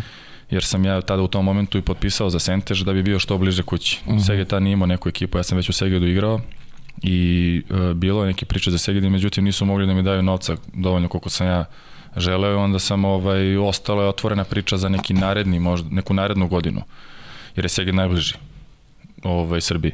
Uh mhm. -huh. I onda Sentež tu sledeći koji je najbliži granici Srbiji, ja sam praktično došao u Sentež ne zato što je sad to ne znam kakva ekipa i ne znam šta, nego jednostavno ispali su maksimalno korektni, trener je bio maksimalno korektan prema meni jer je znao, video je šta mi je bitno. Ja sam njemu na pregovorima objasnio šta je meni u tom momentu najbitnije bilo i on je unapred meni rekao za celu godinu u principu kad bi mogao da budem slobodan i to na duže. Znači toliko je bio korektan i poštovo je sve. I davao mi je kad god je mogao više tipa da, da budem slobodan, po recimo jedan, dva treninga da spojim, da dođem kući i tako dalje. Ispali su stvarno maksimalno korektni. Mi smo, mi smo te godine, u, u, u ovaj, dok nije počelo onaj lockdown mm -hmm. sve živo, prvi deo prvenstva u Mađarskoj koji se igra ovaj uh, uh, oni oni imaju 16 ekipa, dve grupe. Uh mhm. -huh. Igraš sa sa ekipama iz svoje grupe dvokružno. Ovaj nakon toga četiri četiri prve ekipe se spajaju sa četiri prve ekipe iz druge grupe. Uh -huh. I tu mhm. se formira ekipa od 8 i to su praktično prvih 8. Oni nisu bili u top 8 godinama, mi smo odigrali poslednju utakmicu pre znači tog drugog dela i praktično ušli u top 8. Znači oni nisu bili u top 8, ja mislim nikad. Tako da generalno sa mnom su ušli u, u top 8, bili smo, ja mislim, u tom momentu čak možda i sedmi u, u, na listi i mislim da su bili prezadovoljni, znači ostvarili su neki cilj koji nije mhm. čak za tu godinu bio ni planiran, oni su planirali da budu deseti recimo, ne znam sad. Zato što mm. se tamo prema tome neki novac određuje tako dalje. Da, da, da. budžetiranje. Budžeti, da. Mi smo, znači, ušli u top 8 I ovaj, onda je nastupio lockdown, ja sam došao kući, tu sam bio mesecima, nismo mogli, da, nisu radili ni bazeni, sećaš se, ništa nije funkcionisalo. Da, da. Umeđu vremenu su me kontaktirali i potpisali smo nov ugovor na još dve godine. Međutim, kad sam trebao da idem tamo, nije mi više to bilo to, već sam proveo ovde, znači mnogo vremena sa porodicom i jednostavno nije mi se vraćalo nazad, ja, ali nisam neko ko je hteo da, da, da, da uslovljava tipa moju ženu da sad ona daje otkaz ovde da bi otišli tamo da živimo u Mađarskoj. Mm. Nisam video sebe, niti nas u tome. Mm. Iako i to bilo opcija, znači klub mi je ponudio čak i posao za nju u mm -hmm. Mađarskoj, gde smo mi odlučili da ipak nećemo to da radimo. Da, bili su korektni zaista. Da, da, ispali su maksimalno korektni. Tako da sam ja ipak odlučio i raskinuo sam ugovor sa njima i vratio sam se, tačnije otišao sam na pripreme i posle tri dana sam video da neću moći tako da izdržim, nema šanse, znači cele godine da sada budem opet na putu i tako dalje i onda sam ja seo sa sportskim direktorom i zahvalio sam mu se, izvinuo sam mu se, rekao sam mu bolje da ti sad odem na početku priprema nego da prođe dva meseca priprema i da ti, ne znam, posle prvog, drugog kola da puknem i da kažem ne mogu idem kući. Da, i onda nemaju ni oni rješenja, ne, ne, ne bi znali šta da radi. Jer su oni bili korektni prema meni, ja sam praktično na svoj način ostao korektan prema njima i uh mhm. -huh. posle su oni našli zamenu, imali su vremena. Tako da, mm, da. ovaj, tako da sam se tad vratio nazad bez kluba mm -hmm. i u principu to je, tu, tu je ovaj, najveću ulogu za dolazak u Zvezdu odigrao Jogi. Mm -hmm koji je ovaj, zvao je Viktora bio i Viktor je bio naravno zainteresovan i lako smo se dogovorili. Nije ti Viktor da. rekao, onda kad sam te slao sport management, ti si te u Partizan? mislim da se, mislim da se, ne verujem da se Viktor toga seća. Šavi se, naravno. Čisto sumnjam, on ima svoj neki ovaj, svakodnevni ritam. To su neki bljeskovi koji su u meni ostali. Čisto sumnjam da se on seća da je mene zvao dok sam bio u Vojvodini. Ali u principu kad sam razgovarao sa, sa Igorom Milovićem posle kad sam dolazio u Zvezdu, on je meni rekao ti si trebao još odavno da dođeš kod nas. Kad sam odlazio u Partizan, je tu postojalo neko interesovanje, uh -huh. ovaj, ali ja sam otišao u Partizan preoshodno zbog Igora Milanovića, tada koji na kraju uopšte nije ni bio, nije ni bio trener. Nije ni bio trener, da. da. Tako da, eto. E, Ivane, mislim, onako, Waterpola javno zna, ali neki širi auditorijum baš i ne. Pričali smo toj tvojoj juniorskoj represivnoj karijeri i, i kako si priča završila na Long Beach, ali malo ljudi zna da si ti nastupao za jednu drugu reprezentaciju i da. to za reprezentaciju Makedonije. Tako je. Sada Severne Makedonije. Da, dobro. Šta se tu dešavalo, kako je to izgledalo, aj malo nam opišite. Ma dobro, ko prati Waterpolo gen, uh mhm. -huh. godinama i to zna da je Makedonija imala u jednom momentu neku reprezentaciju uh mhm. -huh. koja se sačin, sačinjavala iz igrača XU, mislim, uh -huh. da se mhm. razumemo. Tako da. da ja sam nekako došao na kraju te priče. Uh, nisam bio dovoljno očigledno ovaj, na radaru da, da recimo uđem kada su igrali u tu reprezentaciju kada su igrali na onom ovaj, evropskom prvenstvu kada su, čini mi se da Edmonton bili, ne znam šta je bilo, kada su jako dobri bili. Uh mhm. -huh. Nego sve nakon toga, kada je tu i bilo je nekih raznih afera, da ne spominjem sad šta se sve mhm. dešavalo, uh -huh. u svakom slučaju kontaktirali su me, ja sam tad već potpisao i doš, uh, bio sam da u, u Vojvodini. Uh mhm. -huh. I uh, mi smo imali to 2012 kvalifikacije. Tačnije prvo je bila neka svetska liga, dve utakmice sam odigrao za njih. Mislim, naravno tu sređivanje ovaj, dokumentacije za, mm -hmm. za igranje za tu reprezentaciju, to je sve bilo u njihovoj režiji. Ništa tu ovaj, ja nisam imao s tim. Samo sam prihvatio generalno uslove koje su oni meni ponudili.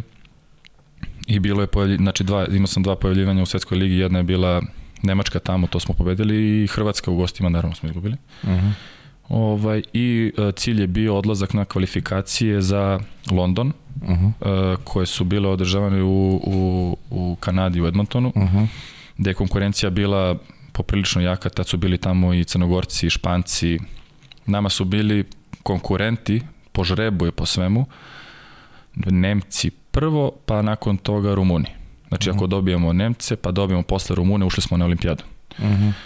I ta ekipa je bila, u toj ekipi igrao tada svoje vremeno i Ranđić, Ranđić igrao je da i e, Čupić, uh -huh, je igrao, Srki Aksentijević od ovih naših, bilo isto i hrvatskih igrača, igrao je Čuk je igrao uh, što je u Špandau uh, Mateo. centar Mateo Čuk, da. A, bio neki golman beš iz Hrvatske, tako? Ili sam na to sad? Jeste, jeste, bio i hrvatski golman. Znači, ok, -huh. ekipa je bila mešovita. Uh -huh. Znači, to je suština cele priče. I uh, u principu mi nismo imali loš, loš rezultat. Znači, Nemce smo dobili, međutim, sa Rumunima to je bilo smešno. Ja vidno je bilo od početka utakmice da, da, da organizacija ne želi da mi prođemo.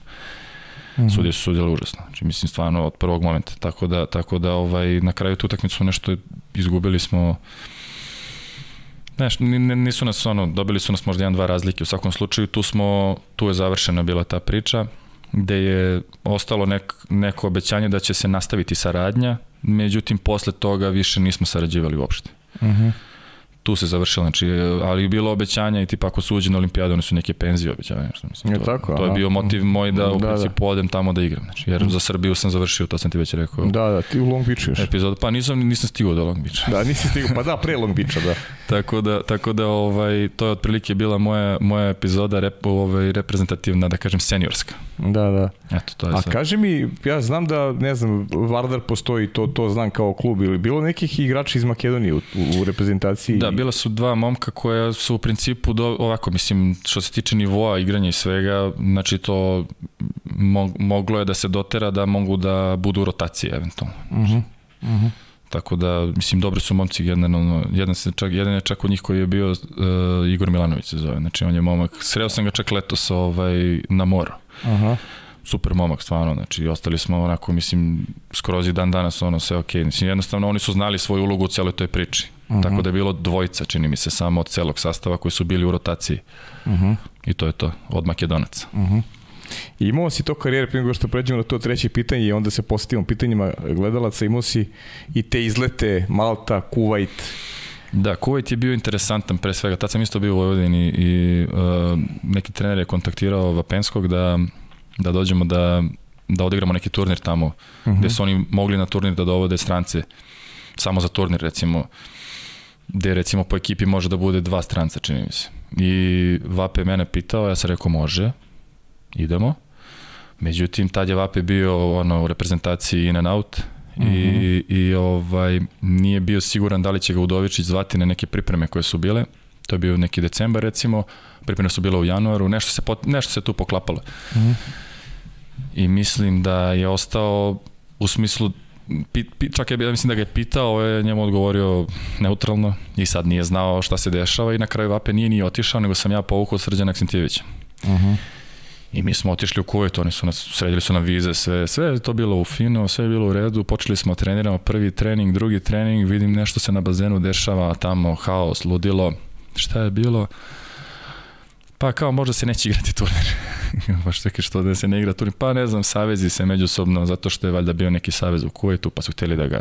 Ma nemam pojma, mislim, u svakom mm. slučaju napravili su tamo haos totalni, gde smo mi ovaj, na kraju otišli, vratili se i nismo ni odigrali turnir. Trenirali smo s njima tamo par dana, bili u hotelu, malo se sesali i vratili se nazad. Kako bi video Kuvajt?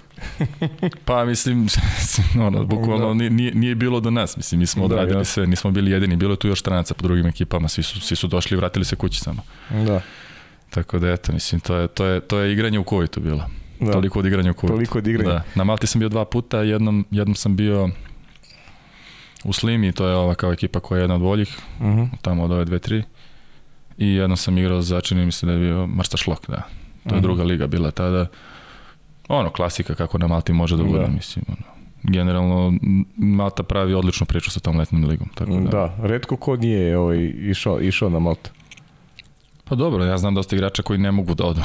znači, tako da, aha, da, pa dobro. Koji, me, koji su me umeđu vremenu i posle toga zvali da ih guram i sve, ali jednostavno oni su zbog svog tog generalno pristupa koji imaju i te ligi i sve što rade tamo došli do toga da se sve više igrača interesuje, ne mogu svi da igraju. Da, pa Napravi su dobar za sebe marketing, ali nisu radili na marketingu, jednostavno znaju da se igrači odlaze i vraćaju se zadovoljni.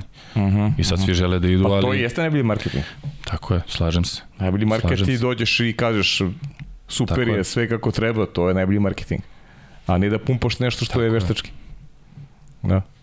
Pa dobro, ili smo prošli ovaj, a? Hmm? I smo prošli ovaj celu karijeru, jesmo? I imamo da, da kažemo da, još nešto. Da, da. Ne, ne, mislim da, da smo prošli. Smo prošli, ja? Da. Ali ček, imaš jedno pitanje, pre, ima, i bit će tu i pitanje gledalaca. Dobar dan svima, veliki pozdrav Pajo za tebe, sve tvoje gledalce i posebno za tvog današnjeg gosta. Veliki pozdrav. Uh, hteo bih da mu postavim dva pitanja. Prvo glasi uh, koja je doza pred svaki trening uh, koju dobija od trenera Dejana Savića, a drugo pitanje bi bilo u saradnji sa mlađim igračima Što se tiče postavljanja ovog pitanja koje bi glasilo naravno s njihove strane kako je zadovoljan e, sa njihovim zalaganjem e, i napretkom u poslednje dve godine s obzirom na to da najviše on e, radi s njima u, u vezi tehničko-taktičkih stvari i da najveće poverenje imaju od njega. Veliki pozdrav za sve u studiju i za sve tvoje gledalce. Ćao. To je čovjek koji ti uzu broj 11. Da, da. Pa? Da. Ako mogu da ga nazovem čovjekom. Dobro. Da, ovaj, Da, ovo za Lekić je ovaj, Dekijeva fora, pošto je skontao da, da imamo ovaj, momente kada totalno znači, izgubim hemisferu skroz. Znači u određenim momentima onda je počeo da mi, da mi daje Lekić pred svaku ovaj, utakmicu ili trening. A to je scena iz Kengura, ovaj, znaš kada, kada Aha. dođe ovaj kaže Lekić. Bravo, Lekić, ne, da, da, da. To je, to je Dekijeva doza lekića za, za mene, inače pred utakmicu. da se smirim, da ne uđem u utakmicu, znači sa, sa vrelom glavom. To je, to je doza, inače, da. Ovaj, a za ovo drugo pitanje, ovaj, sam je malo on tu malo me zajebava, ali generalno ja, sa, sa, ja sam mlađima od, prošle, od prošle godine, mislim i generalno ispada sad kao da ja tu nešto s njima, ali stvarno prošle godine kad smo došli, par nas tu, ne mogu da kažem da se nismo posvetili određenim mlađim ili uopšte generalno mlađim igračima da, da im pomognemo da se afirmišu s obzirom da uh, oni nikada u svojim karijerama, koje su kratke jako, jer su uh mhm. -huh. mladi svi, znači uh mhm. -huh. tek su ušli u prvi tim pre par godina, s obzirom da je situacija u Srbiji i u Waterpolu bila takva kakva jeste, oni nisu imali stari igrače u ekipama nikad. Uh mhm. -huh. Znači mi smo njima upali u jednom momentu uh, oni nisu znali uopšte šta se dešava. Znači ja od svoje ne znam koje godine kad sam igrao do ne znam koje, nebitno kakav je igrač bio. Znači jednostavno odnos mlađi stariji sam naučio. Oni su ušli u recimo neke godine gde su prošli čak 18. 19. neki su imali po 22 godine da nikada nisu igrali sa starijim igračima ekipe od sebe. Ili da su, tu, da su starijeg imali, ali tipa svoj ono, godište iznad ili tako nešto. Mhm. -huh. Mi smo od njih dosta stariji, znači to preko 10 godina. Ovaj, tako, da, tako da je prvo bilo smo morali da porodimo na tome, da oni shvate taj odnos. Jednostavno da neki od njih su, to jest ne neki, mislim da su svi već shvatili, ali to je bila borba u početku strašno, strašno, zato što mhm. jednostavno oni su postali svesni toga kroz vreme da je to njihov nedostatak veliki na, za koji oni nisu krivi u principu. Pa ne, naravno. Jednostavno je tako. Tako da ovaj prošle godine znam samo, znači evo jedan podatak. Uh mhm. -huh ti svi igrači koji su sa nama igrali prošle godine, dobro ne računa malo grođu, pošto je on kada to nije bio s nama. Njih, koliko ih je bilo, trojica, ovamo četvorica, koliko ih je bilo u, u juniorskoj reprezentaciji. Mm -hmm. Koji je bio Vlada, Mare, Vuk, a tako, njih trojica. Da, Vlada i Mare, da, oni su, da, Znači, mm -hmm. oni su bili ti mlađi između ostalog. Mm -hmm. Ima još drugih igrača koji nisu bili reprezentacije, ali mislim da, da su od nas ovaj, da su od nas mogli dosta da nauče. Sad on mene tu pita malo zato što zna koliko sam u poslednje vreme pizdeo na njih, zato što su malo ovaj, i oni upali u ovaj ritam, jednostavno mm -hmm. ne možeš od njih da očekuješ sada da oni u momentima kada se sve one stvari dešavaju koje smo pričali u klubu, da sad oni ovaj budu 100% s glavom. Ma, naravno, naravno. Tako da, mislim, ja sam samo, ja sam samo pokušavao da, da, da, da sa tim nekim svojim reakcijama njima, njima pokažem da oni ne treba da dozvole sebi da to utiče na njih. Uh -huh. Jer će se dešavati sve, ako hoće da se bave ovim, dešavaće se sve i svašta. Ovde im je super. Sve što se dešava čak ni nije strašno. Otići će nekad, daj Bože, u inostranstvo, uzimaće pare, očekivaće od njih da prave čuda. Uh -huh. I to će biti normalno. Zašto? Zato što sam te doveo ovde da mi to radiš, ja te plaćam. Neće moći da se nose sa tim stvarima ukoliko ne budu naučili da se nose sa ovim stvarima sada u momentu. Uh -huh. To je ono što sam ja očekivao od njih u ovom prethodnom periodu, da oni makar ostanu, jer oni nisu neko ko je u fokusu, oni nisu neko na, na, na kome je odgovornost. Treba da igraju opušteno. Opušteno i da daju sve od sebe, a ne da mhm. dozvole da ih afere razne ili problemi da ih ometaju. Da, da, da. To je ono što u principu sam ja, zašto on mene pita očekivanje i tako dalje, zato što sam tu malo zeza, ali generalno je ovo, znači za njih poruka, da jednostavno moraju da nauče da se sa svim stvarima nose uh mhm. -huh. i da shvate šta je njihov prioritet. Nije njihov prioritet da razmišljaju o tome da li je smenjen trener ovo ili ono. Da. Kogod je trener, ti treba da, da, da garaš svaki dan. Uh mhm. -huh. I na utakmicu dođeš spreman 100%. Opet zbog onih priča vezanih za uh, koje nivo igramo i koje takmičenje i tako dalje. Uh -huh, I zbog uh -huh. svoje afirmacije za budućnost. Uh -huh. Ti rekao nekad neko da si da imaš ovaj taj neki trenerski moment tu u sebi? Ma, rekli su mi mnogi, ali ja generalno sebe, kažem, rekao sam ti, ne vidim, ne vidim toliko u tom. Iako ovaj, ne znam, mislim šta će da se dešava i sve, u principu, to sam ti rekao, ja ako budem hteo da radim kao trener, volio bi da to radim ne za novac. Znači uh mhm. -huh. da mi ne bude primaran novac, nego da radim sa, sa igračima tako da, im, da ih naučim, da im pomognem, da šta god, nebitno. Uh -huh. znači, da se to ostavi nešto. Znači ne da sad ja tu se guram i da tražim svoje mesto da bi imao platu ovde, platu tamo. Uh mhm. -huh. Mislim da mislim ne kažem sada da ljudi koji rade tako ne rade dobar posao koji rade za novac. Ne kažem. Naravno. Nego samo kažem da ja lično bi voleo da radim više ovako. Mhm. -huh. Da izaberem za sebe, znači da, da nađem sredinu u kojoj mogu da radim opušten. Uh mhm. -huh. A ih ti završi, i si fond završio? Ne. Nisi ja? Nisi. A šta vidiš sebe sutra? E, šta će da radiš sutra, pa, pošto ti ja želim od srca da, da možeš da radiš u Waterpolu tako da ne radiš za novac, ali imaš porodicu, od nečega mora da živiš, jel te? Ne znam šta ti kažem, znači ja mhm. sam, ja sam već, već neko vreme u, u pokušajima da napravim nešto što nema veze sa Waterpolom uh -huh. Uh -huh. i generalno uopšte sa ovim našim sistemom ovde, ovaj, što nije lako iskreno se nadam da, sa, sa, da će sav taj trud da se negde isplati. Možda ne čak tamo gde sam ja ovaj, se fokusirao i upravo, nego da će s neke druge strane nešto da se desi, zato što to mi je jako velika želja, inače. Mhm. -huh. Sad kažem ti, postoje neke stvari, da ne bi sad razglabao temu o tome, okay, razumeš kojima se ja interesujem i gde sam, gde sam, se, gde sam se fokusirao. Ovaj, uvek, naravno, Mislim, između ostalog, znaš kako, ja kad sam se vraćao iz Mađarske, to je bila još jedna od priče koja nije bila fokus u tom momentu, jer je bila, ovaj, porodica mi je bila fokus, ali nisam video sebe da tako nešto napravim, na primjer, u inostranstvu. Znači u mhm. inostranstvu kada odeš kao recimo sportista, vaterpolista, redko ko da je, da je radi, da radi ne, osim da kažem evo u Nemačkoj na primjer gde, gde ciljano odlaze da dobijaju posao sa strane i tako dalje. To je neka Just. druga priča skroz, mm -hmm. ali u bilo kojoj drugoj zemlji, čak i evo i u Mađarskoj, ja bih ostao da radim na bazenu. To su ovi iz kluba meni u ovom ugovoru koji sam potpisao, što sam ti rekao sam raskinuo. Da, da, znači oni su meni praktično na neki način ovaj, tu uh, nisu mi nametnuli, nego su veliku želju imali prema meni da ja da uzmem neku generaciju. Uh mhm. -huh. I da možda kasnije ko zna šta radim još vezano u klubu i tako dalje. To je sve onda vezano opet za bazen, za trenerski posao. Meni, kažem ti, nije mi to, nije mi to neki cilj. Ako budem bio primoran iz razloga zato što još nećem, nećem moći da igram još 10 godina, razumem, ako budem bio primoran da radim za novac, zbog, naravno zbog porodice, zbog svega, daću sve od sebe da to radim onda najbolje što mogu na najbolji način, za najbolje cifre i tako dalje i tako dalje. Ali sada dok mogu još da biram, gledam da to uradim na neki drugi način, da svoj put iskorim na neki drugi način. -huh. Mhm. Zanimljivo. Da, da ulazimo da šire ovaj u, u, A nema u priču. potrebe, nema, da, da ostanemo na vaterpolu. Da ostanemo na vaterpolu. Ajde ovaj da, da pročitam neka pitanja ovaj, mm. koje, smo, koje smo dobili Sara i ja.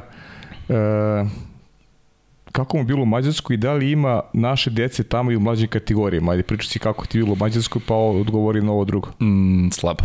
Slabo, a? Slabo, da, e, zato što e, oni generalno, kažem ti, imaju jako veliku bazu ovaj, svojih igrača. Ima e, u, u mlađim kategorijama, znam, to mi je Kumić ovaj, je u Ferenc Varošu, uh mhm. -huh. to znam, ovaj, igrao slučaja, Za druge ostale ekipe, znači, uh, nisam, nisam čuo.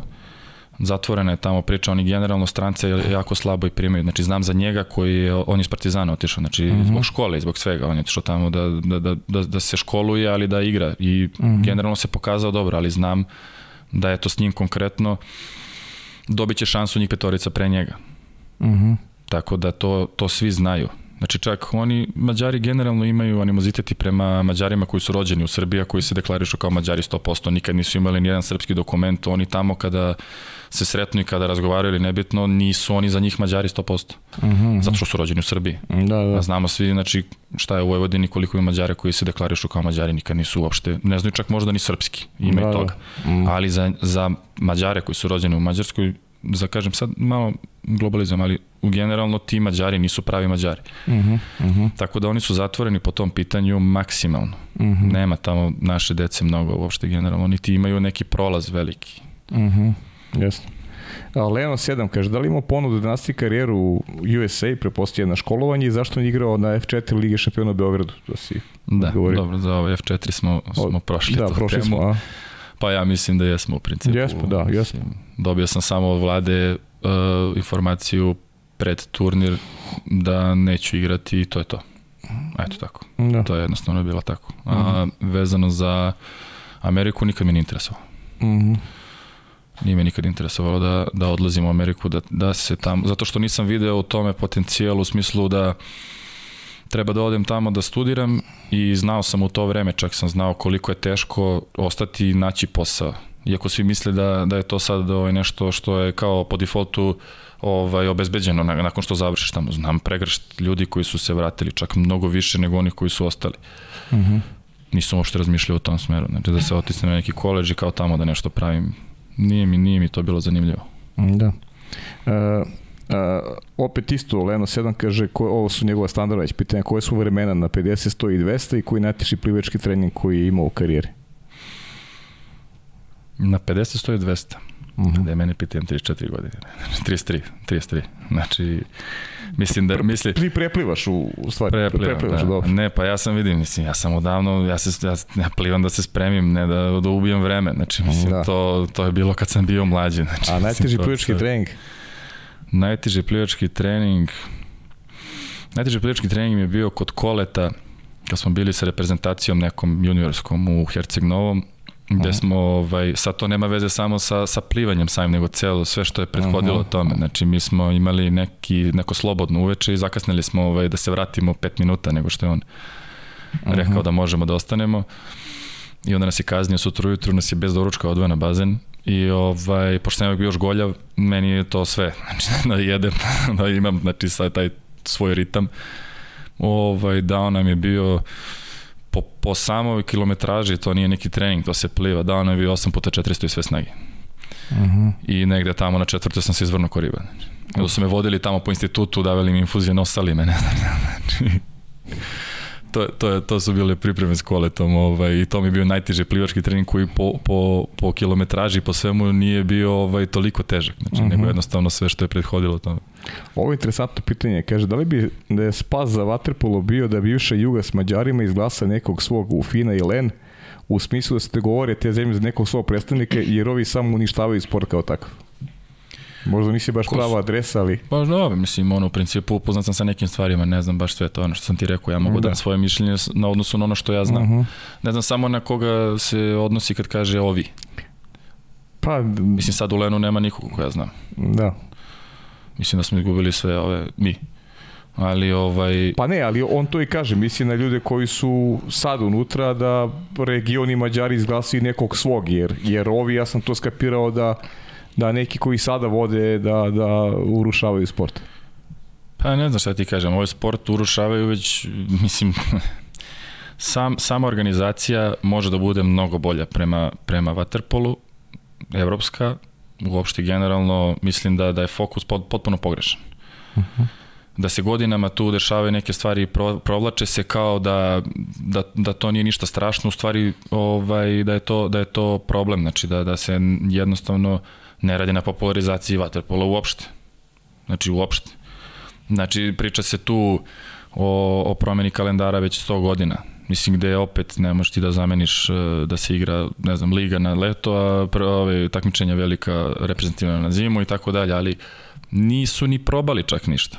To je ono što meni nije jasno. Znači sam, sam ovaj, sam, samo sama činjenica da nisu uopšte nikada rizikovali možda jednu, dve godine zarad možda nekog boljitka nadalje u samom sportu, uh mhm. -huh. je meni činjenica da se oni ne bave uopšte time toliko niti kako bi trebala promena pravila non stop isto. Znači ne do, jednostavno ne doprinose tome da neki prosječan gledalac može da da shvati šta se tu dešava. Tako da ovaj, sad pričamo o nekim onim banalnim, osnovnim stvarima, mm -hmm. da ne, ne ulazim dublje u neke stvari koje možda čak ni, verovatno ni ne znam šta je sve tu moguće mm -hmm. da se mhm. uradi, ali generalno pričam samo ovako kao sa strane, kao igrač recimo, znači gde znam da se sigurno igrači koji su najbolji u Evropi, da kažem i naši strani nebitno, ne pitaju ništa kao neko ko je trenutno tu aktuelan i ko je aktivan i ko je recimo nosilac uopšte svih tih, oni su ti zbog kojih ljudi gledaju ili nebitno, znači oni su kao svim sportovima, znači pričamo o najboljim igračima i na svetu, verovatno, mislim ti koji su po Evropi. Znam da oni generalno nemaju nikakav uticaj, da neko sedne s njima i kaže šta vi mislite, šta možemo da uradimo, ne mora mene niko da pita ništa, ali evo pitajte igrače koji su, koji su najbolji na svetu.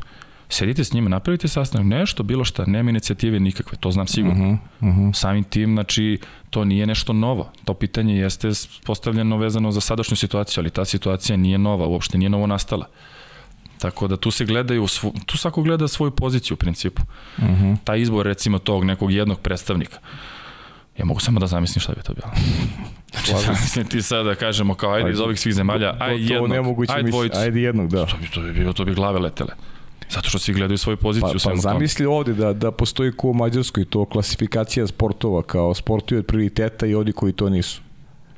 Zamisli da to neko sprovede da, da odredi pet sportova. Lobiranje, za A? lobiranje, pa mislim, nebitno. Da. Ajde, idemo dalje. Idemo dalje. molim, e, molim te. E, o, slažem se, slažem se. E, pazi ovo, Mile u šorcu. Dobro. Veliki pozdrav za Bakija legendu. Da li se seća utakmici iz mlađih dana kada smo na nekom turniru na Tašu dobili Partizan sa 2-0? Sećam se. Se sećaš stvarno? Sećam se. Milo Šorcu, inače, ovaj, spale.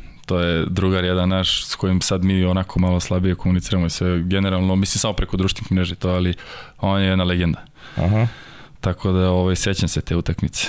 Sećam uh -huh. se te utakmice, to smo bili klinci, igrali smo na tašu na male golove, mislim, to je bio piš, znači, u to vreme, mislim, -huh. Ma to je show bio. Mislim, igrali smo mi sa, sa Partizanom, sa, sa Partizanom smo igrali na 25. maju smo igrali nešto jednom 2-2 ili 1-1, pa smo izgubili u produžetku, mislim, u to vreme. To, to ti je recimo period kada uh, u Partizanu igra na primjer Mitar, ne znam, ja sad, uh -huh. od ovih što su sad kao da, da. neko i nešto, razumeš. Ima uh -huh. tu, ne znam, Vedran je bio Ćirković koji je sada u Australiji. Uh mhm. -huh. Jako se dobro afirmisao tamo, on je, čak sam bio s njim i u radničkom ovaj, i tako neka ekipa igrača koja, koja to je znači samo generacija 8-8 jedni uh mhm. -huh. protiv drugih. Znači mi smo dok smo bili samo 8-8 Vaterpolo klub Beograd, ja mislim da kuća ima jedno 40 medalja. Znači mi smo kao Vaterpolo klub Beograd osvajali u to vreme u, SC, u SCG sve. I kad smo se spojili sa 8-7, više nismo videli na medalju, naravno. Uh -huh. e, Vapenski. Kako je dobio nadimak Gavran? Gavran mi je dao deki stane zato što sam generalno, kome ne zna i kome gleda ovako sa strane, može vrlo lako da, znači baš lako može da pomisli da sam dosta mračan tip. Aha. Da, to je prva stvar. I druga stvar, u to vreme sam vozio crni auto i zatamnio sam naravno stakla bio, kao svaki klinac. Uh -huh. I onda me je prozvao Gavran, zato što sam crn non stop bio u svakoj situaciji, tako da ovaj, to je deki stanove, mi, mi je taj nadimak nadenuo još sa 20 godina, ali, ali mi niko, niko, me, ovaj, niko me ne zove tako osim njega, uh -huh. osim Dekija. Osim Dekija? Da, da. I to ne baš ovaj, ono, ne, ne stalno, ali on je pokušao je da, ali ovaj Baki je preovlad. Aha, pokušao da, da taj bude onako konstantniji. Znači da se, ne da može, se... ne može. Baki mi, još od kad sam klinac bio, to nam je Kiza. Još kad smo klinci Aha. bili, došao je jedan dan i to je našoj cijeloj generaciji svima dao nadimke. Uh -huh. Eto, tako mu je bilo interesantno, da se znam, ovaj, ono, na tom, na tom nivou da se poveže sve, jer smo mu bili bukvalno ko njegov odac. I ja sam bio Baki. -huh. I ostao sam Baki. I ostao si Baki. Da. E, ima neka pitanja koja neću da ovaj, pročitam. E, ima ovaj, neki stvari koji smo prošli kroz emisiju, pa nema potrebe da te vraćam na, na staro. E, dve stvari još su mi ostale. E, da li postoji nešto što te nisam pitao, a, a ti bih voleo da kažeš pre nego što završimo sa porodicom, naravno? E, pa ništa u principu, mislim. Mm? Mislim da je dosta opširnije bilo nego što sam ja mislio čak da će biti. Tako, a? Da, da. Da, ti si mi rekao kao pa da, traćemo neki sat vremena. Pa ne znam ni koliko je prošlo, ovo iskreno ti kažem. Pa mislim da ćemo negde oko dva sata. Eto. Da, pogledat će me samo moj ćale na kraju i žena, kad vide koliko je trebalo.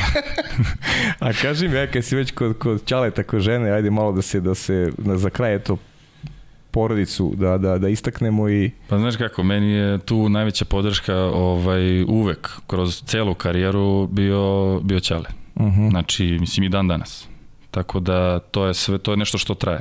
Što je od toga je počelo i što traje i dan danas. Uh -huh. I on je tu uvek, mislim koliko je objektivan sad u nekim stvarima gde sam ja već u godina, malo sam već stariji, znaš, i onda da. mogu, ali možemo već dugo, već dugo to traje, mislim, da razgovaramo ozbiljno, znaš, uh -huh. prezaraslo je to odavno iz onoga, možeš ovo, možeš ono, u, možemo yes. ili tako dalje. Tako da on je tu stvarno ne, ne, neverovatna podrška meni od uvek bio i dalje.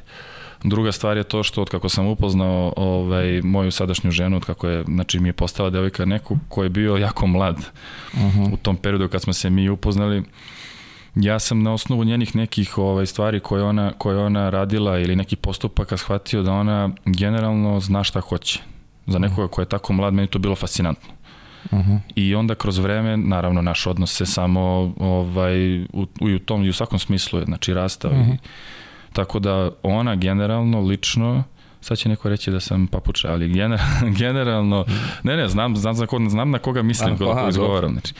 Ali ovaj, meni to nebitno sve, znači, svi, svi koji su oko mene vide koliko meni porodica znači. Jasno ona lično još pre nego što smo dobili decu, znači i sada pogotovo generalno kroz svo ovu moju karijeru i sve je meni neverovatna podrška i oslonac. Neverovatna. Znači to, ona sad ima 26 godina, znači nije ona neko ko je nešto prošao u smislu sada da nije imala ovaj, neke životne situacije ovakve, mm -hmm. ali za nekoga ko je tako mlad, ovaj, mlad u smislu bez nekih životnih prevrata, uh -huh. ne znam mhm, kolikih mhm. i sve neverovatno je kako zna ovaj, na koji način da, da, da mi pruži podršku i u svakom smislu. Uh mhm. -huh. Čak i za ove neke stvari o kojima ti pričam da pokušam da uradim koje nisu vezane za sam uh -huh. Znači tu nikad mi se nije desilo od nje da čujem kao što je kliše, razumeš, ono, ovaj muž žena kao, šta će ti ta, ne, da, da, u životu. Znači, to mm. se uvek, ako ja kažem da ću nešto da krenem, da razmišljam, da radim ovo ili ono, ona sedne sa mnom razmišlja mhm. -huh. šta tu može. Kako da, kako da ti pomogu. Tako da, tako da ovaj, stvarno, znači, eto, to je, to je, to je na, na, pričamo sada o porodici, znači, ne pričamo o mhm. prijateljima i tako dalje. Znači, mhm. -huh. kada pričamo familija, porodici i tako dalje, otac koji stvarno čale, znači, ceo život i dan danas, i ona koja je ušla u, u, u tu priču sa mnom gde, gde je bukvalno znači ja osjećam prema njoj, ne radim to iz tog razloga, ali osjećam prema njoj odgovornost u tom smislu, jer ona isto ima ambicije, ambiciozna je generalno u poslu i tako dalje, -hmm. gde, sam, gde smo se našli u smislu što ja njoj pružam podršku za neke stvari koje su njoj bitne, pogotovo pričamo sad o poslu. Mm -hmm. Tako da ovaj, mislim da u tome funkcionišemo fenomenalno i meni mnogo to znači. Mm -hmm. Mnogo mi znači.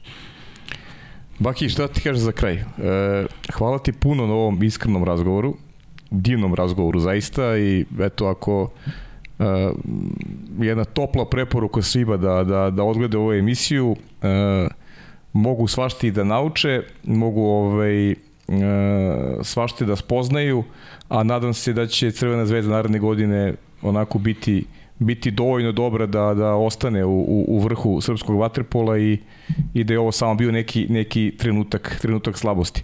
E, tebi, tebi želim naravno da ti se ostvare svi ti tvoji neki snovi koji imaš mimo bazena, a da igračka karijera potraje pa dok ti želiš i da se ponovo nađemo na novom mestu da, da pročešljamo to što ti je ostalo do kraja karijere, a ja se nadam da će da ostaneš i u Vatrpolu kao trener.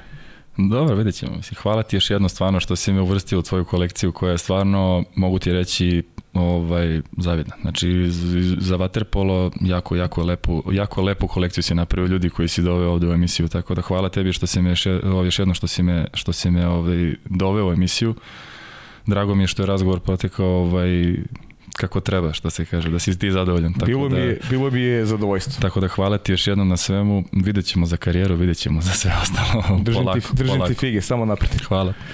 Ništa, to je bilo to je bio Ivan Basara, 84. epizoda. Ljudi za vikend naravno svi smo onako usredsređeni na filni turnir regionalne lige i ja se nadam da će sledeće nedelje uh, tu na Ivanovom mestu sedeti neko od pobednika toliko, prati, na, prati naš Instagram profil i družimo se naravno četvrtka. Svako dobro.